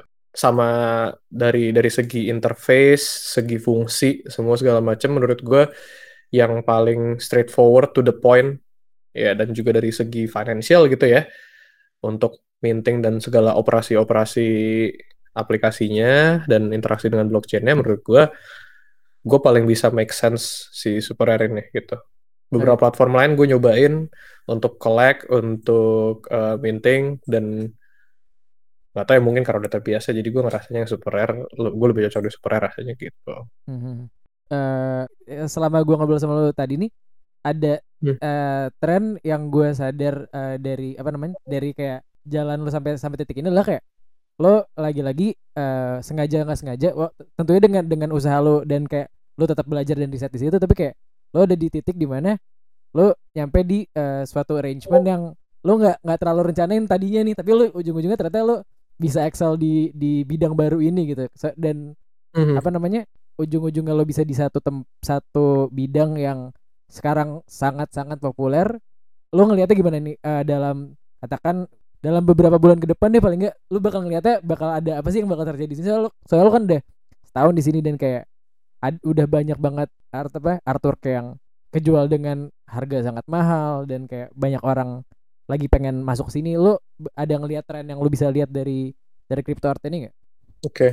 oke okay, ini speaking dari pengalaman gue tentunya ya setelah kayak satu ya obviously setelah gue udah ada di dalam uh, scene-nya lumayan ya nggak tahu sih men zaman sekarang satu tahun tuh udah dihitung lama ya iya, iya. um, banyak banget yang bisa terjadi gitu ya iya uh, jadi kayak ya bisa dibilang kayak setahun selama apa pengalaman gue selama setahun terakhir dan juga menurut gue di luar di luar uh, di luar kripto dan NFT pengalaman gue sebagai orang yang berinternet gitu ya hmm. um, gue ngeliatnya sih namanya hype ya yeah. kadang datang kadang pergi gitu jadi gue rasa dalam beberapa bulan ke depan tentu hype-nya bakal turun gitu karena yang bakal terjadi gini bakal banyak artis yang nyadar kalau ini bukan quick cash grab. Untuk saat ini emang ini kesannya kayak quick cash grab easy money gitu kan. Tapi gue rasa dalam beberapa bulan ke depan mereka bakal nyadar kalau jualan itu susah ya. Kalau jualan NFT itu nggak beda jauh sama lo jualan uh, jualan kerjaan atau jualan karya in real life yeah, gitu. yeah, yeah, yeah. oh ternyata bahkan dengan NFT dan galeri-galeri virtual ini lo tetap dihadapkan dengan problem-problem yang ada dalam pasar seni dan skena kesenian in real life ya lo tetap harus ngobrol sama orang, smooth talking orang, kenalan nama kolektor ABC, kenalan nama mungkin developer atau orang penting ABCD gitu. Itu tetap ada semuanya surprisingly. Um, jadi gue rasa dalam beberapa bulan ke depan ketika hype-nya mulai turun dan banyak artis yang uh, unfortunately ya bukannya gue nyumpahin juga gue sih bakal ngarepin semua orang sukses ya yeah. ya in a perfect world semua orang sukses dan ideal menurut gue cuman kalau ngomong agak realistis bakal nyadar kalau jualan itu susah gitu. Dan mungkin hype-nya bakal turun and then sisanya yang bakal nyisa gue rasa udah tinggal either yang paling sukses atau yang oh sorry dan atau yang udah ada sebelum hype-nya naik. Okay. gue mikirnya gitu. Gitu. Karena tahun lalu jujur pas uh, pas komunitasnya masih jauh lebih kecil dari sekarang ini apa ya mass adoption untuk NFT itu kita nggak expect terjadi di 2021 honestly sumpah okay. Okay. ini kecepatan men okay. ini kecepatan parah ini kecepatan parah um, bukannya buruk bukannya buruk tapi gue ngelihatnya akhirnya platformnya orang-orangnya PR developer segala aspek lah menurut gue itu kurang siap menghadapi ini gitu mm -hmm. jadi um, ya gue nggak tahu sih enam bulan ke depan bakal kejadian apa karena kita kita yang predik tahun lalu hmm. ngarep ini mass adoption kejadian dalam beberapa tahun ke depan aja ternyata terjadi dalam hitungan setahun gitu loh. Ya, ya, ya. Tiba-tiba banget ya. Mulai itu gara-gara artis gede siapa sih yang yang kayak Grimes sama Elon Musk. Iya, yeah, sumpah. Grimes, Grimes abis itu Lindsay Lohan, ya kan? Eh, eh, eh. Abis itu Beeple. Beeple tuh yang menurut gue signifikan tuh sebenarnya Beeple. Dan auctionnya agak Karena, lama kan dia kan ya? Bukan bu, bukan itu kalau menurut gue bukan karena auctionnya lama tapi karena audiens oke okay. jadi audiensnya Grimes sama Lindsay Lohan itu mungkin Internet dibanding people, dengan gitu. audiensnya Beeple eh. itu tech savviness-nya lain oke okay. ya kan gitu jelas followernya Beeple atau audiensnya Beeple itu jauh lebih tech savvy yeah. ya kan gue bisa bilang gitu sorry bukan bukan lebih mungkin tech savvy di bidang yang lebih tepat atau lebih dekat ke crypto art dan NFT ya. ya kan. Jadi ketika Beeple keluarin sama Nifty Gateway tahun lalu, ya udah meledos gitu loh. Meledak gitu kayak semua orang bisa beli Beeple buat seharga satu dolar terus ngeflip lagi untuk sepuluh ribu dolar gitu kan. Um, jadi gua rasa big turnovernya itu walaupun Grimes sama uh, Lindsay Lohan ada andil, uh, yang menurut gue impactnya paling berasa itu ketika Beeple masuk. Orang-orangnya dari ini ini bisa jadi cash grab karena Beeple gitu lebih ke situ ya. Satu itu, kedua kayaknya karena mereka lihat artis-artis yang udah lama mereka follow di Instagram atau di Twitter itu ngejual karyanya for how many US dollars gitu. Oke. Okay. Gua nggak tahu lo nggak ini atau enggak, tapi eh gue nggak tahu ini eh, yang yang denger mungkin ada yang nggak mungkin enggak. Oke. Okay. Tapi gue gue hampir nggak pernah misalnya gue announce karya gue yang kejual gue hampir nggak pernah announce dalam bentuk fiat currency. Gue nggak pernah dalam bentuk US dollar atau rupiah. Ah, iya. Gitu. Gue selalu announce, ya gue selalu announce dalam bentuk kriptonya. Sekian ether, that's it. Udah. Yeah. Kalau emang lo penasaran banget, pasti lo cari tahu harga sendiri. ether berapa pas gue jual. Iya, soalnya kan lo ngasihnya ethernya doang dan kayak kalau emang orang penasaran banget berapa rupiahnya ya tinggal convert aja gitu ya dia.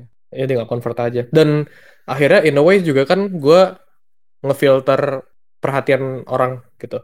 Karena gue tahu kalau misalnya gue tulis dalam bentuk US dollar, wah men, gampang men, nyari perhatian mah zaman sekarang ya kan. Yeah. Lu bayangin kalau misalnya gue tulis dalam bentuk US dollar, anjing. Yang yang orang tiba-tiba pengen ikutan bakal lebih ngeri sekarang kan yeah, gitu. Yeah, bukan yeah. maksudnya gue bukan maksudnya gue songong gitu ya, bilang kayak gue influensial atau gitu, cuma maksud gue kayak gue tuh pengen ngurang-ngurangin gitu loh. Ngurang-ngurangin perhatian aja gitu. Mm -hmm.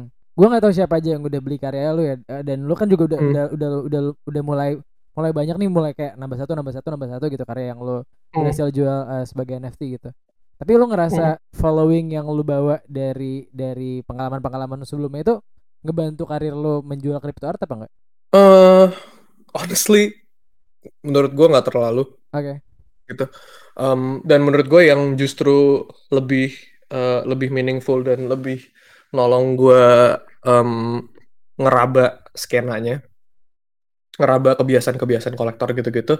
Itu malah temen gue yang udah lebih aktif di pasar seni dan skena apa ya? Kok skena sih? Pasar seni atau kayak uh, skenario um, apa namanya? Art market ya, ya, ya. tradisional gitu loh in real life gitu. Yang kayak ada temen gue yang jual lukisan ada temen gue yang tahu cara galeri sama kolektor uh, making money out of artwork gitu-gitu ya. jadi justru pengetahuan-pengetahuan trivial gue yang gue selama ini cuma rasa kayak ah ya uh, temen gue jualan mm-hmm. painting mm -hmm. kayak sekian juta rupiah dijual ke galeri mana atau ke kolektor mana itu prosesnya kayak begini itu gue selama ini kan cuma kayak tahu doang gitu loh mm. cuman justru knowledge knowledge yang tadinya nggak berasa signifikan signifikan amat itu malah justru jadi yang paling kepake menurut gue gitu sih. Oke oke oke. Menarik menarik menarik. Uh, oh iya, Lu juga artwork lu ada yang udah kejual di secondary market ya? Udah udah ada kemarin akhirnya. Royalty, itu mantep banget tuh kolektor. royalty gimana? Lumayan tuh. Rasanya kayak yang dijanjikan bisa dapat uh, ya, royalty royalty persen beneran dapat gitu berarti lo ya? Iya, dapat. Yang beli siapa emangnya? Dua-duanya anonymous, secondary okay. market Oke. Okay. Uh, yang yang kolektor yang ngebelinya gue tahu tapi ya cuma sebatas tahu di Twitter doang. Nggak ada yang tahu namanya nggak ada yang tahu orangnya kan gitu loh. Okay, okay, okay. selama ini juga di di di komunitasnya kalau lo perhatiin yang di luar ini ya uh, yang di luar foundation atau di luar yang kayak orang-orang lebih baru gitu wave yang wave yang sekarang nih wave bisa dibilang wave 2021 lah ya. Yeah, yeah. itu lo kalau lihat yang wave 2020 dari sisi artis dan kolektornya itu mostly uh, mereka anonymous gitu. Jadi kayak nggak ada yang tahu lo siapa nggak ada yang tahu lo kayak gimana lo tinggal di mana nggak ada yang tahu gitu karena nature-nya emang um, menjaga anonymity kan by default si yeah. blockchain ini jadi kalau lo tanya gue gue tahu kolektor gue apa enggak ya gue tahu tapi sebatas di Twitter sama Discord doang that's it gitu mm-hmm. apakah gue kenal enggak dan bahkan dua terakhir yang nge-collect artwork gue di secondary market itu dua-duanya menurut gue anonymous karena nggak ada Twitter dua-duanya orangnya oke okay. Gitu. Oke okay, oke. Okay. Lu sendiri udah, udah udah beli banyak NFT belum? Gua beli ada berapa? Yang paling obvious dan yang menurut gua paling penting itu gue beli domain. Oke. Okay. Um, Dot apa? Gue gue gue beli domain Ethereum buat ah. buat apa? Buat address gue. Ya jatuhnya NFT karena kayak apa kepemilikan domainnya itu dikasih ke gue dalam bentuk NFT kan. Yeah. Um, and then gue beli satu John. John itu John Carroll. Kalau lo search di Instagram John J-nya 5 Okay. Itu lo pasti pernah deh kayak gif gif tengkorak tengkorak vaporwave gitu. Oke, ntar gue lihat. Uh, itu gue gue pernah beli dia di Rarible dulu pertama kali dia minting menurut gue penting juga itu John itu salah satu artis gif yang paling penting juga menurut gue um, and then uh, yang paling baru baru-baru ini tuh ada satu artis dari Australia namanya Nicholas Keys itu gue ngikutin udah lama banget sebenarnya dari, dari dari belum NFT NFTan gue juga gue gue udah tahu dia gitu kan mm -hmm. um, dan kayak kebetulan pas Oktober kemarin itu ada kayak pameran uh, pameran crypto art gitu. Gue sama dia di satu project yang sama. Um, and then itu juga startnya dia di NFT itu berarti Oktober tahun lalu. Okay. and then dia mulai jual-jual terus masih lanjut. Dan gue kemarin kayak ngeliat ada satu artwork dia yang di auction yang otomatis gitu kan. Gue kayak oh oke okay, nice. Gue sekalian coba auction otomatis juga deh gitu. Oh udah deh. Hehe dapet untungnya jadi lu udah udah mulai yeah. banyak juga nih koleksi lu gitu ya? Nggak ada yang lu resell tapi? Nggak banyak sih. Kalau kalau ngomong banyak sih enggak ya menurut gue um, resell resell uh, belum ada niatan sih. Gue gue sebenarnya nggak ada niatan buat collecting and flipping sebenarnya eh. sumpah. Ketika gue collect gue ngerasanya lebih kayak ketika gue beli gue ngerasa lebih kayak gue nge-support artis yang gue suka ya, gitu yeah, yeah, yeah. lu bukan nyari duit dari flipping artworks juga gitu ya soalnya Enggak, enggak, enggak. Ya jadi gue gua ngeliatnya dari sudut pandang sebagai seniman juga gitu. Karena gue tahu kayak, men, saking banyaknya orang minting NFT sekarang, susah banget kan dapetin perhatian kolektor gitu. Karena jelas orang yang mau beli jumlahnya sedikit, orang yang mau jual ibaratnya semua orang yang lo tahu di Instagram atau Twitter sekarang mau jualan gitu. yeah. Jadi challenge-nya adalah um, gimana caranya kita bisa nge-curate karya atau orang yang kita suka dari market yang rusuh ini. Yeah, yeah, yeah. Ibarat kata kalau gue ngelihatnya um, gimana ya namanya ketika lo udah ada abundance of content di mana pun itu termasuk NFT mau di ya, YouTube, Spotify, whatever lah ya, lo butuh kurasi gitu. Yeah. Karena tanpa kurasi ini ini platform ini skena nggak akan ke mana-mana, yeah, yeah, ya kan? Yeah, yeah. Gitu. Karena karena susah ngebedain mana yang bagus mana yang jelek gitu. Dan menurut gue ini ini tahun lalu gue kepikiran gue kayak ini kalau NFT jadi mainstream gimana ya? Apakah bakal jadi mirip kayak YouTube gitu? Ada yang nanya ke gue dan gue juga kepikiran itu karena agak-agak ngeri-ngeri sedap juga karena ini menurut gue real market gitu loh. YouTube itu menurut gue lebih kayak space yang lu dipinjemin and then mereka bisa naruh ads di video lo dan lo dibayar lo dikompensasi untuk iklan yang ditaruh di video lo gitu itu sederhana secara bisnis uh, atau secara finansial lo bisa mengerti itu dengan mudah gitu. Tapi ketika kita masuk ke NFT sama crypto art mungkin susah awalnya. Tapi ketika lo ngerti fundamentalnya ini sebenarnya salah persis kayak art market di dunia nyata menurut gue gitu ya.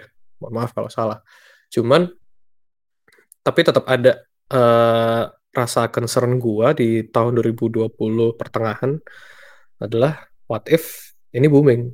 What if ini kayak YouTube gitu. Semua orang ikutan, semua orang minting and then akhirnya jadi nggak ada harganya kan gitu. Hmm. Hmm. Ini gimana caranya? Ini gimana caranya gitu. What can, what's gonna happen gitu.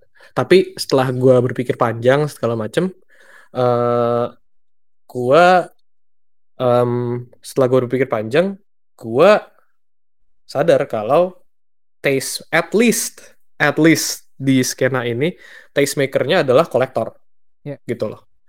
Ketika lo ngomongin YouTube sama Instagram, makernya siapa? Algoritmanya, yeah, gitu. Bagus tidaknya konten lo ditentukan sama si algoritma platformnya suka sama lo atau enggak, gitu, yeah, yeah, yeah. ya kan?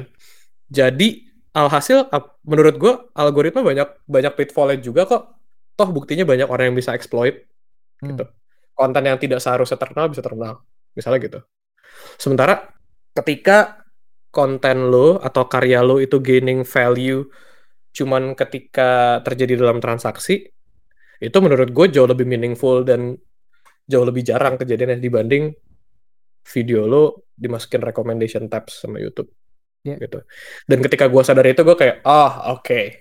at least ada tastemaker dan kolektor yang bisa ngekurasiin pasar buat gua, buat semua orang gitu. Hmm. So ya harapannya sih ini akan lebih sustainable dibanding uh, social media as we know it ya gitu. Yeah. Kalau misalnya artwork visual entah itu gambar atau video kan yang gue lihat ya utamanya kan itu yang dijual belikan kan. Tapi kayak gue penasaran dengan Kings of Leon yang ngerilis versi deluxe album mereka uh, sebagai NFT gitu. Gue gue penasaran gimana musisi-musisi bisa nge-capitalize atau bisa sustain uh, karir mereka dengan NFT sih karena ya ownership tuh sebagai seniman ya secara general itu sesuatu yang kayak susah lo dapet. Tadi define Iya susah susah di defend juga sih, bener sih, bener bener bener. Hmm. Uh, apalagi kalau saya di konteks uh, ntar lu lu bisa cerita tentang perspektif uh, seni visual ya tapi kayak kalau di musisi eh, kalau sebagai musisi kan kayak ownership sangat tricky karena kayak dengan label dengan publishing deals itu kayak lu basic lu nggak lu nggak punya apa-apa lu cuma kayak numpang ngasih suara lu numpang ngasih bunyi doang gitu kayak lo nggak nggak punya apa-apanya gitu kan dan kayak kalau hmm. misalnya mereka bisa benar-benar navigate di NFT dan bisa benar-benar independen hidup dari sini gue bakal senang banget sih kayak keren kayak bisa kayak bisa keren, banget keren. kayak gitu ya bisa bener-bener meaningful akhirnya yeah, iya. perjuangannya yeah. ya kan yeah, yeah. gitu dan kalau kalau di visual lu sebelum ada NFT gimana sih kepentingannya dari kata ownership itu atau kayak lu bahkan gak, gak pernah kepikiran sebelumnya oke okay. sebelum ada NFT sebenarnya kan um, ownership itu sendiri dalam bentuk digital files itu kan susah banget di define ya yeah. apalagi uh, gua sama sekali nggak punya pengalaman atau punya karya yang bentuknya tradisional dan tradisional di sini maksud gue itu karya seni yang uh, mostly fisik ya jadi kayak lukisan, lukisan ya. patung uh, instalasi itu kan uh, kalau di kan kalau ngebedain ya digital sama non digital lah hmm. kalau orang ada yang nyebutnya digital sama tradisional gitu um, ya gue nggak ada gue nggak ada experience di tradisional tapi gue tahu di orang-orang yang tradisional atau yang kontemporeri gitu, yang kayak yang bisa ke museum atau pameran gitu-gitu, mereka bisa jual karyanya, even if it's a digital file. Tapi karena bentuknya adalah mereka bisa satu mereka bisa proof authenticity karyanya, baik dengan sertifikat, dengan apa, dengan certificate of authenticity yang dikeluarin sama uh, entah mereka sendiri atau sama pihak ketiga, atau ya simply karena lo megang barang fisiknya ya enggak sih? Ya. gitu. Sementara kalau digital file gimana gitu? Kalau tanya gue pernah kepikiran soal ownership atau enggak tentu pernah gitu. Karena menurut gue kayak nyat jadi digital artist susah ya gitu. Karena masa iya gue selamanya kerja jadi ya mohon maaf gitu. Kasarnya lo kerja jadi tukang ngerjain ngerjain iklan ngerjain ya, kerjaan ya. orang kan sebenarnya kan. Ya. kan karena lo jadinya seperti vendor gitu. Kayak uh, klien butuh klien butuh job A diselesaikan, gue punya kemampuan menyelesaikan job A, gue kerjakan job A, gue diberi kompensasi gitu kan yeah, bisnis yeah. modelnya. Tapi ketika ngomongin ownership, sebetulnya mimpi basah semua digital artist adalah mereka bisa nge-proof ownership akan file digital mereka, akan karya digital mereka. Apa pun itu. Mau gambar kayak, mau audio kayak, mau a line of code, mau page HTML, mau GIF, terserah lo. Um, tapi gimana caranya? Karena by nature file digital itu kan bisa di copy paste dan sebenarnya ini kekuatan file digital yang nggak dimilikin sama benda fisik ya kan? Gimana caranya lo nge-mass produce Mona Lisa dengan kualitas yang sama tapi lo nge-retain ownership-nya? Nggak mungkin. Ya. karena file yang di copy itu sama bagusnya sama yang original. Nggak ada perubahan informasi di situ nggak ada perubahan data gitu ini jadi apa ya bisa dibilang keuntungan dan kerugian digital files itu. Sampai akhirnya ya ini muncullah blockchain. Pertama keluar Bitcoin kan. Set lo bisa membedakan satu token dan yang lain bisa lo trade bisa lo transfer bisa lo jual belikan ya kan? Oke okay, kita bisa bikin cryptocurrency. And then fast forward lagi maju lagi keluar Ethereum. Bisa ada smart contract yang nge-govern perjanjian antara dua belah pihak secara otomatis ya kan esensinya itu. Karena menghilangkan uh, human error lah bisa dibilang. Yeah. namanya namanya kalau ada pihak ketiga atau orang penengah orang penengahnya bisa korupsi. Hmm. mesin nggak bisa korupsi ya kan? Smart contract. Dari smart contract eh kayaknya bisa nih kita bikin non fungible token yang di mana satu benda bisa dibedakan dengan yang lain. Satu file digital bisa dibedakan sama file digital yang lain. Dan ownershipnya bisa cuma satu orang nih. Hmm Kayaknya ya, gue juga gue juga nggak di NFT sama crypto art dari awal banget, jadi ini asumsi-asumsi apa apa ya bisa dibilang kayak asumsi-asumsi kuli aja kalau dari gue. um, ya mungkin kayak orang kepikiran kayak, hey shit, ini problem yang dialami sama digital artist dan kita bisa nge-replicate apa yang ada di traditional art market dalam bentuk digital. Yeah. Karena semuanya decentralized, karena semuanya trustless, dan karena mesin tidak bisa berbohong oke. Okay, kita bikin NFT sampailah akhirnya kita di Utopia yang harusnya jadi apa ya tujuan salah satu tujuan besar digital art semua digital artis harusnya. Karena men kapan lagi lo bisa jual gift lo selevel sama lukisan fisik gitu. Ya, ya, ya kan? ya, ya, ya. dan sekarang bisa dan sekarang bisa gitu. Jadi kalau sudut pandang gue dari visual emang agak jauh maaf ya panjang ya tapi kayak gitu jadi gua rasa sih lo harus lihat bisnis model dalam uh, di dunia konvensionalnya dulu, di IRL-nya dulu gimana gitu. Yeah. Karena yang menurut gue bisa di bukan bisa sorry, yang menurut gue lebih make sense untuk dijadikan marketnya dan dijadikan platform atau mekanismenya adalah art market, yeah. bukan klien minta kerjaan apa gue kerjain. Menurut gue itu mah nggak perlu blockchain men, bisa itu mah pakai tanda tangan biasa yeah, gitu loh yeah, ibaratnya. Yeah. Tapi misalkan lukisan yang umurnya bisa ratusan tahun gitu loh. Iya, iya, iya. Soalnya dari situ sih, gue rasa lo harus balik ke bisnis modelnya. Dan gue rasa dari sini, ini, ini, ini, ini, ini lo pengen nanya lagi apa? Apa gue boleh lanjut terus nih? Lanjut aja, lanjut aja, men. Lanjut aja, men. Asik banget. Shit, sorry, sorry. Um, karena gue ngeliatnya gini, uh, masalah ownership musisi, label, dan penjualan, musik itu sendiri kan dari dulu um, sifatnya itu sesuatu yang di-share. Secara fundamental musik itu berharga karena lu bisa share itu sama orang lain. Karena lo bisa dengerin bareng-bareng ya kan? Nggak perlu sertifikat authenticity emang buat di enjoy bareng-bareng gitu kan musik. Exactly itu dia itu dia. Dan dari awal cara label-label mengcapitalize musik adalah dengan uh, penjualan kopi penjualan yeah. kopi royalty advancing segala macem lah ya nah, jadi menurut gua kalau misalnya musisi atau produser atau ya pelaku musik pengen jump in this NFT technology, oke, okay, mohon maaf. Menurut gua lu jangan FOMO sih, men. Mau lu musisi, mau lu seniman, mau lu developer ya, lu jangan FOMO, men. Sumpah, lu rugi sendiri kalau menurut gua lu FOMO. Karena lu jadi terburu-buru kan, terus jadi nggak hati-hati. NFT nggak ke mana-mana, blockchain nggak ke mana-mana. 10 tahun, 20 tahun ke depan, gitu. Santai aja, take your time. Ya, menurut gua kalau dari sisi musik gue ngeliatnya nggak make sense man lu jual karya musik as one and as single edition NFT siapa gue tanya di dunia ini bikin musik yang cuma bisa dinikmatin sama satu orang yeah, yeah, ya yeah. kan kayak udah udah dari sononya musik itu dibikin buat lo dengerin bareng-bareng gitu buat lo nikmatin momen gitu. Ya udah lo lihat aja kalau menurut gue mah bisnis modelnya gimana sih? Itu label-label ngeduitin. Mm-hmm. dari ini dari ownership master sama ngitung kopinya kejual berapa terus nanti dibagi hasil sama artis.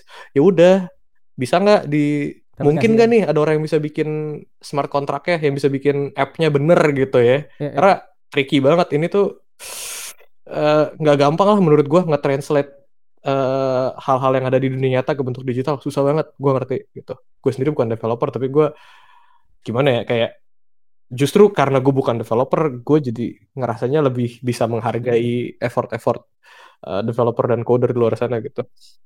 Jadi menurut gue kalau lu bisa replicate uh, bisnis model yang label-label ini laksanakan di dunia nyata, tapi dalam bentuk uh, trustless dan decentralized, lu bakal sukses gitu. Jadi mungkin masternya yang owning artis nih, terus uh, place-nya mungkin lo tetap bisa pakai platform konvensional nih. Mungkin lo jualan di iTunes atau di Spotify nggak apa-apa. Tapi dalam urusan uh, perjanjian antara let's say pihak label dan pihak artis itu uh, bisa lebih jelas dan lebih fair menurut gue oh, karena okay, yeah, yeah. semuanya kelihatan. Nggak ada hidden fees atau dana-dana di belakang yang label bisa lakuin tanpa sepengetahuan lo yeah, yeah, kayak gitu-gitu uh, eh gitu sih gue ngeliatnya jadi yeah. apakah ini exciting? Tentu saja iya, gue sih. Eh, seru-seru. Itu kayak kalau saya tadi bilang kayak mungkin itu sebenarnya subtle banget, tapi untuk pemasukan artis yang apa namanya, yang kayak emang udah susah banget untuk ngandelin sales gitu, itu bisa bisa berubah hmm. banyak banget karena kayak ini transparan aja gue dapat segini lo dapat segini gitu tuh kayak tetap ada kontrak ya udah hmm. iya keren keren keren keren keren iya kontraknya kontraknya trustless, nggak ada pihak yang korupsi, yeah. nggak ada pihak yang nyurangin satu sama lain. Karena ultimately menurut gua mesin itu lebih superior daripada manusia. Yeah. Karena mesin nggak bisa bohong. Yeah. Gitu loh. seru seru seru gue baru baru tahu ada perspektif itu keren keren keren. Iya kan? Yang, yang di musik keren gitu. keren, keren. Santai aja men, NFT nggak ke mana-mana. Iya, jangan buru-buru, jangan buru-buru betul betul. Jangan buru-buru, jangan buru-buru, tenang tenang. Eh by the way ngomong-ngomong musik sama NFT ya. Yeah. Uh, salah satu platform yang gue udah gue udah masuk tapi gue belum minting. Oke. Okay. Uh, eh, itu namanya asynchronous art. Oke. Okay. Itu di, itu lo bisa bikin programmable art basically. Programmable dalam artian lo bisa bikin artwork yang beda kalau dilihat siang sama malam. Oh gitu. Lo bisa iya, lo bisa bikin artwork yang setiap hari berubah bentuknya selama setahun. Oke. Okay. Dan project terbaru mereka namanya Async Music itu lo bisa kayaknya ya feeling gue um, lo bisa nge-layer musik atau beat terus setiap layernya bisa dijual jadi satu NFT sendiri. Jadi owner tiap layer itu bisa ngeganti state-nya.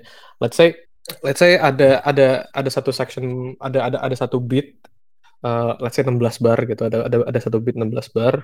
Uh, layernya mungkin ada empat. Nggak usah banyak lah empat aja. Ada perkusi ada bass ada lead sama ada ada rapper misalnya. Misalnya gitu. Yeah. nah ini empat layer dimilikin sama orang-orang yang beda dijual ke orang-orang yang beda. Terus baseline-nya bisa diganti tergantung orang yang punya.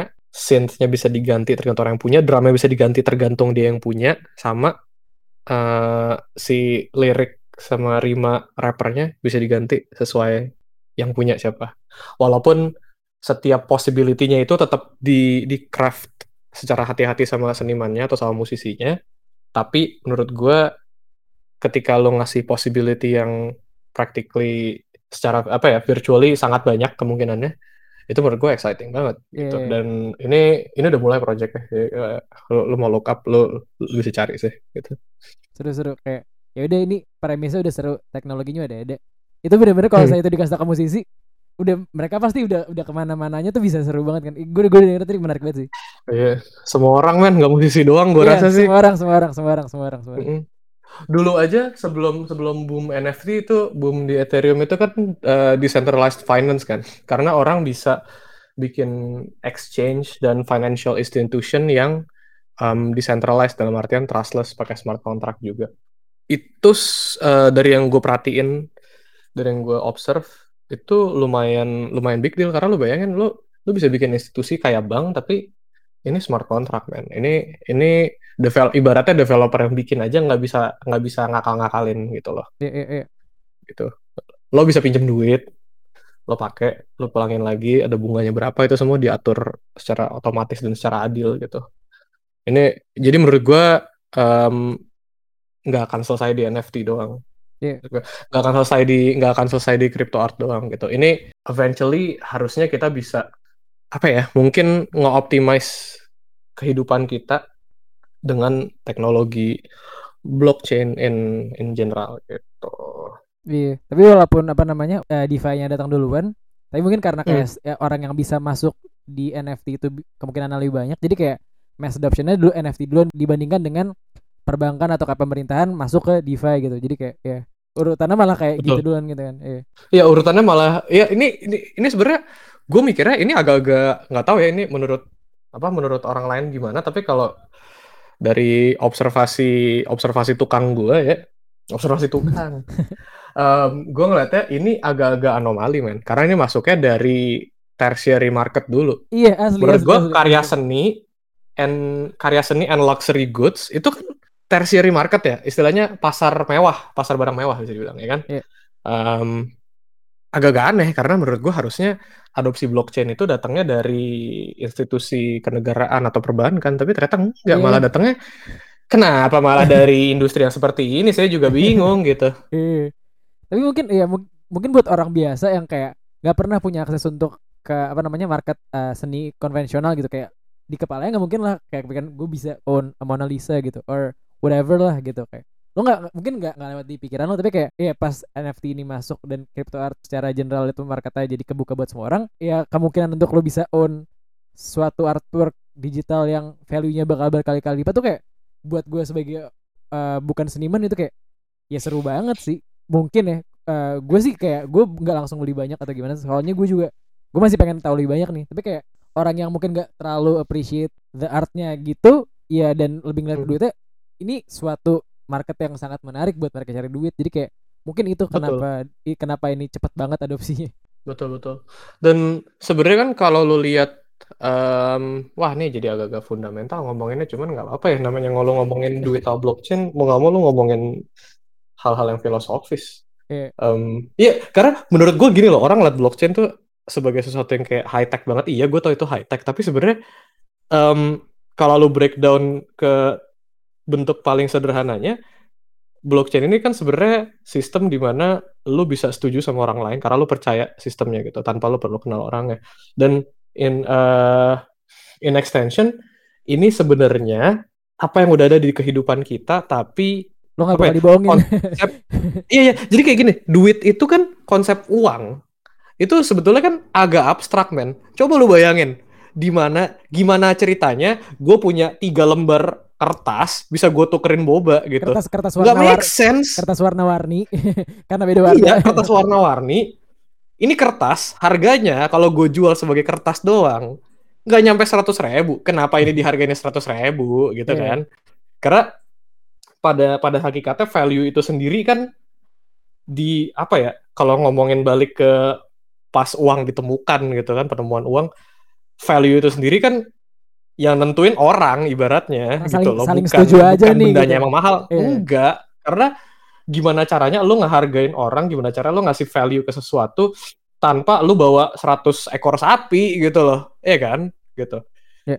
kembali lagi jadi ke Bitcoin dan blockchain kenapa menurut gue sebenarnya ini lebih fundamental dan lebih mendasar daripada uh, di luar teknologinya ya gitu Uh, ya karena itu kayak esensinya uang itu apa sih gitu, mm-hmm. ya kan? Esensinya uang itu lo nggak hargain orang lain uh, untuk mungkin effort mereka atau lo beli goods dari mereka terus lo bilang, bro, nih dengan uang ini lo bisa membeli dua karung beras setelah lo memberi gue dua ekor sapi misalnya gitu, ya kan?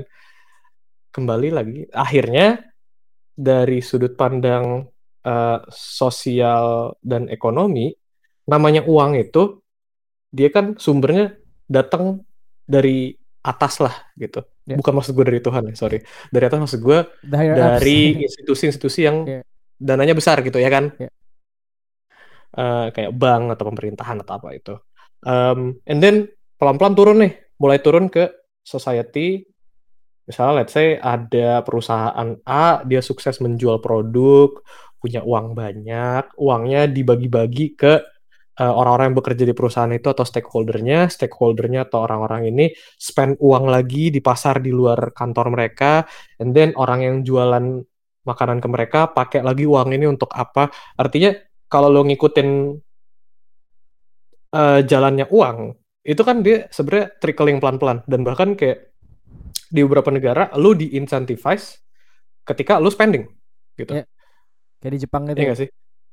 Iya, Jep gue nggak tahu Jepang tapi setahu gue yang kayak gitu tuh US Amerika okay. tuh ya gitu makanya ya itulah kenapa kapitalisme sangat-sangat berkembang di Amerika Serikat karena ketika lo spending jatuhnya pajak yang lo keluarkan untuk yeah. spending lo itu lebih sedikit daripada pajak kalau lo nahan uang di hmm. bank lo yeah. gitu ya kan lo di reward ketika lo spending karena lo membantu uh, bergeraknya ekonomi kan yeah.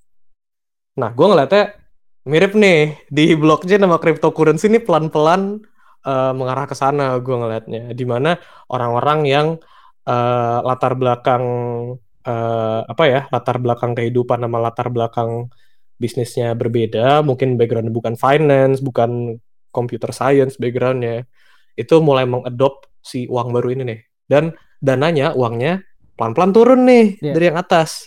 And then si artis-artis ini nanti ke mana nih uang-uang yang didapat sama artis ini. Ya nggak tahu mungkin nanti ada market lain untuk misalnya uh, lu bisa uh, mungkin apa ya yang yang yang yang yang yang nggak semahal karya seni mungkin kayak lu mungkin bisa bayar eh sekarang udah bisa lu lu udah bisa bayar Twitch subscription pakai kripto gitu ya kan?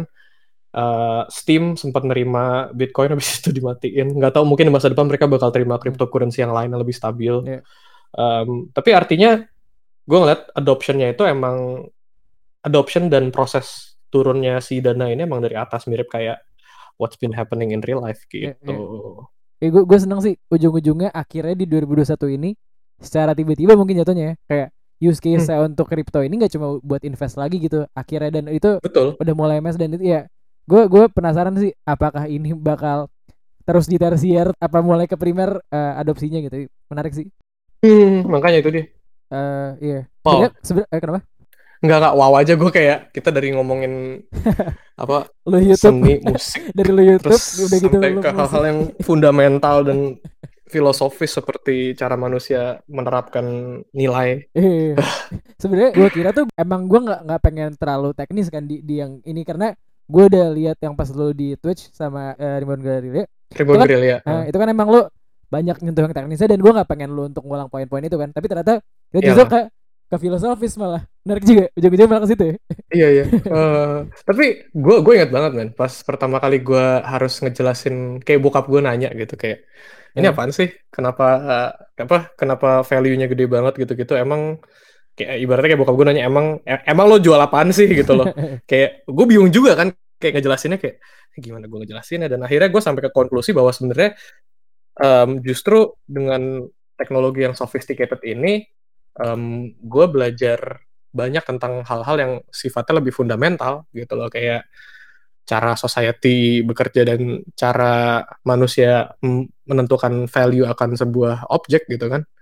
Gitu sih. Lu terakhir poin lu bagaimana manusia menentukan value sebuah objek? Tadi hmm. lu sempat sebut Elon Musk kan? Gitu orang menurut hmm. lo kalau di NFT dia positif apa negatif impactnya? Soalnya kalau di kripto sebagai barang buat invest dia di Doge sangat bermanfaat gitu dia tiap kali dia ngetit yeah. nilainya naik banget tapi kalau di NFT lo ngeliatnya yeah. gimana Kenapa? Sorry, kalau kalau di NFT Elon Musk gimana? Iya, soalnya tadi kan lu sempat nyebut kalau dia dan Grimes adalah salah dua orang yang kayak bikin ini kayak jadi boom banget gitu. Tapi dia uh. sekarang apa kalau ada pendapat tertentu tentang dia atau kayak ya udah aja sih lu terima-terima ya udahlah gitu.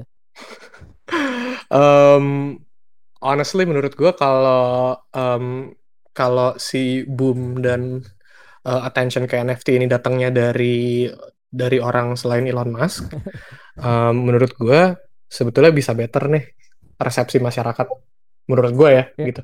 Karena karena gue tahu nih um, Elon Musk kan orang-orang yang di luar sana ya termasuk kita juga mungkin ya.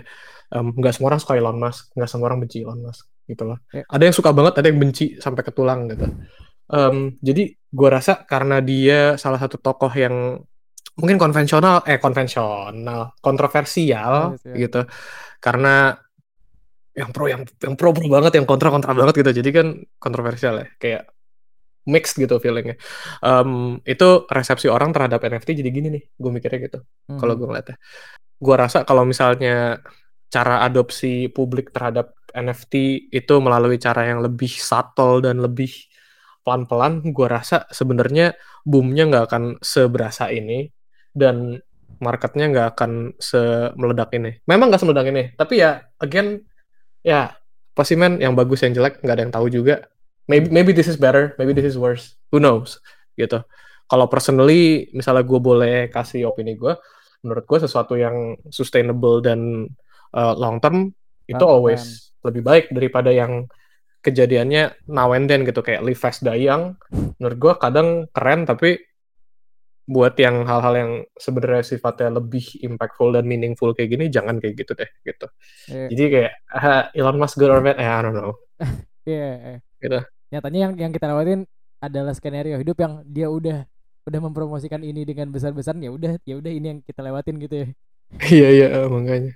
Tapi salah satu apa salah satu yang gue tertarik dari view Elon Musk soal soal Doge, crypto, and this entire thing ya um, itu yang dibilang fate loves irony man gitu. Kayak dia kalau nggak salah pernah namanya dia yeah. lo yakin banget beli doge? Lo yakin banget doge naik? Ini shit coin man gitu. Udah orang kan ada istilah altcoin ya buat koin koin-koin di luar yeah, bitcoin yeah. dan ethereum atau tron yeah. yang lebih kecil mungkin market capnya. Ya doge salah satunya dan doge itu kan anjing man itu kan forkingannya litecoin ya. Iya iya iya. Apa modifikasi dari litecoin gitu. Dan yang bikin juga bercanda bikinnya Elon Musk ditanya kenapa lo suka banget temannya kenapa lo milih koin ini untuk lo uh, untuk lo shield daripada koin yang lebih sebenarnya lebih berguna gitu. Doge nggak ada gunanya men gitu. Pelan juga transaksinya oh. buat apa gitu. Kenapa iya ini, makanya. Gitu. iya. Ngapain? Kalau ditanya lo kayak Elon Musk kan nggak bego loh gitu yeah. maksud gue yeah, yeah. kenapa? gitu. Ya, dia bilang gitu doang kayak ya fate loves irony yeah. men. lo nggak perlu nggak pernah tahu. Gitu.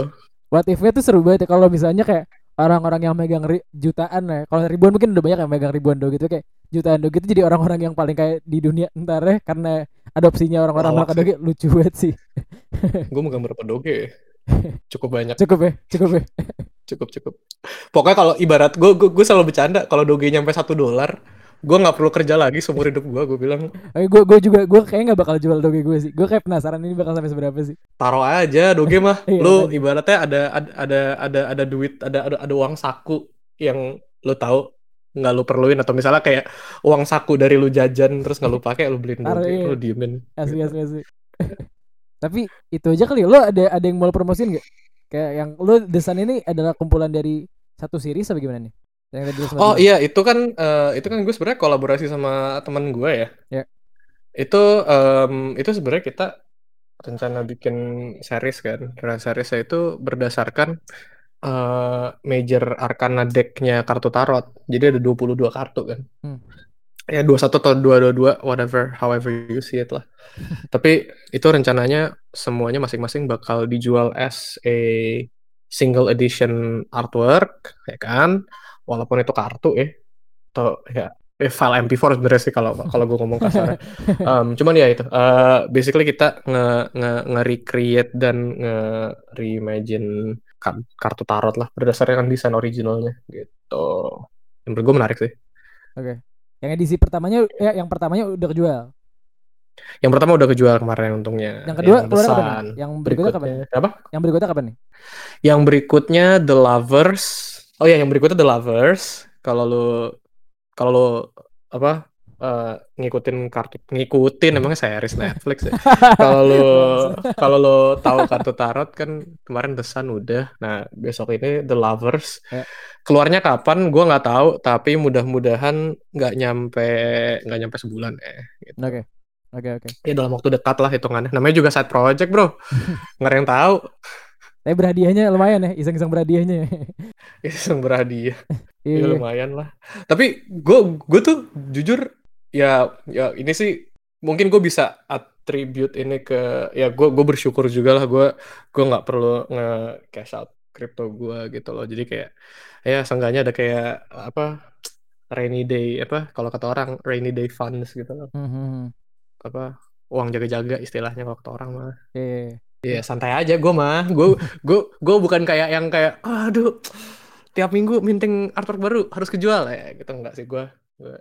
Termasuknya santai gue kayaknya. Mm-hmm.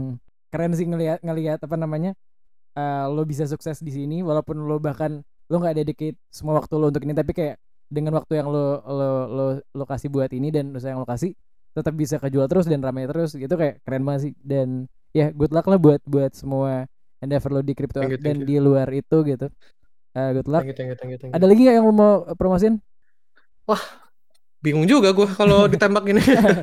Um, apa ya? Uh, kalau dari gue kayaknya kayaknya nggak banyak proyek yang lagi jalan deh. Jadi ya. gitu, uh, kalau mesti promosin satu nih ini kayak kalau Twitter lo apa viral terus lo masang ini apa nge ngeplak link yeah. SoundCloud.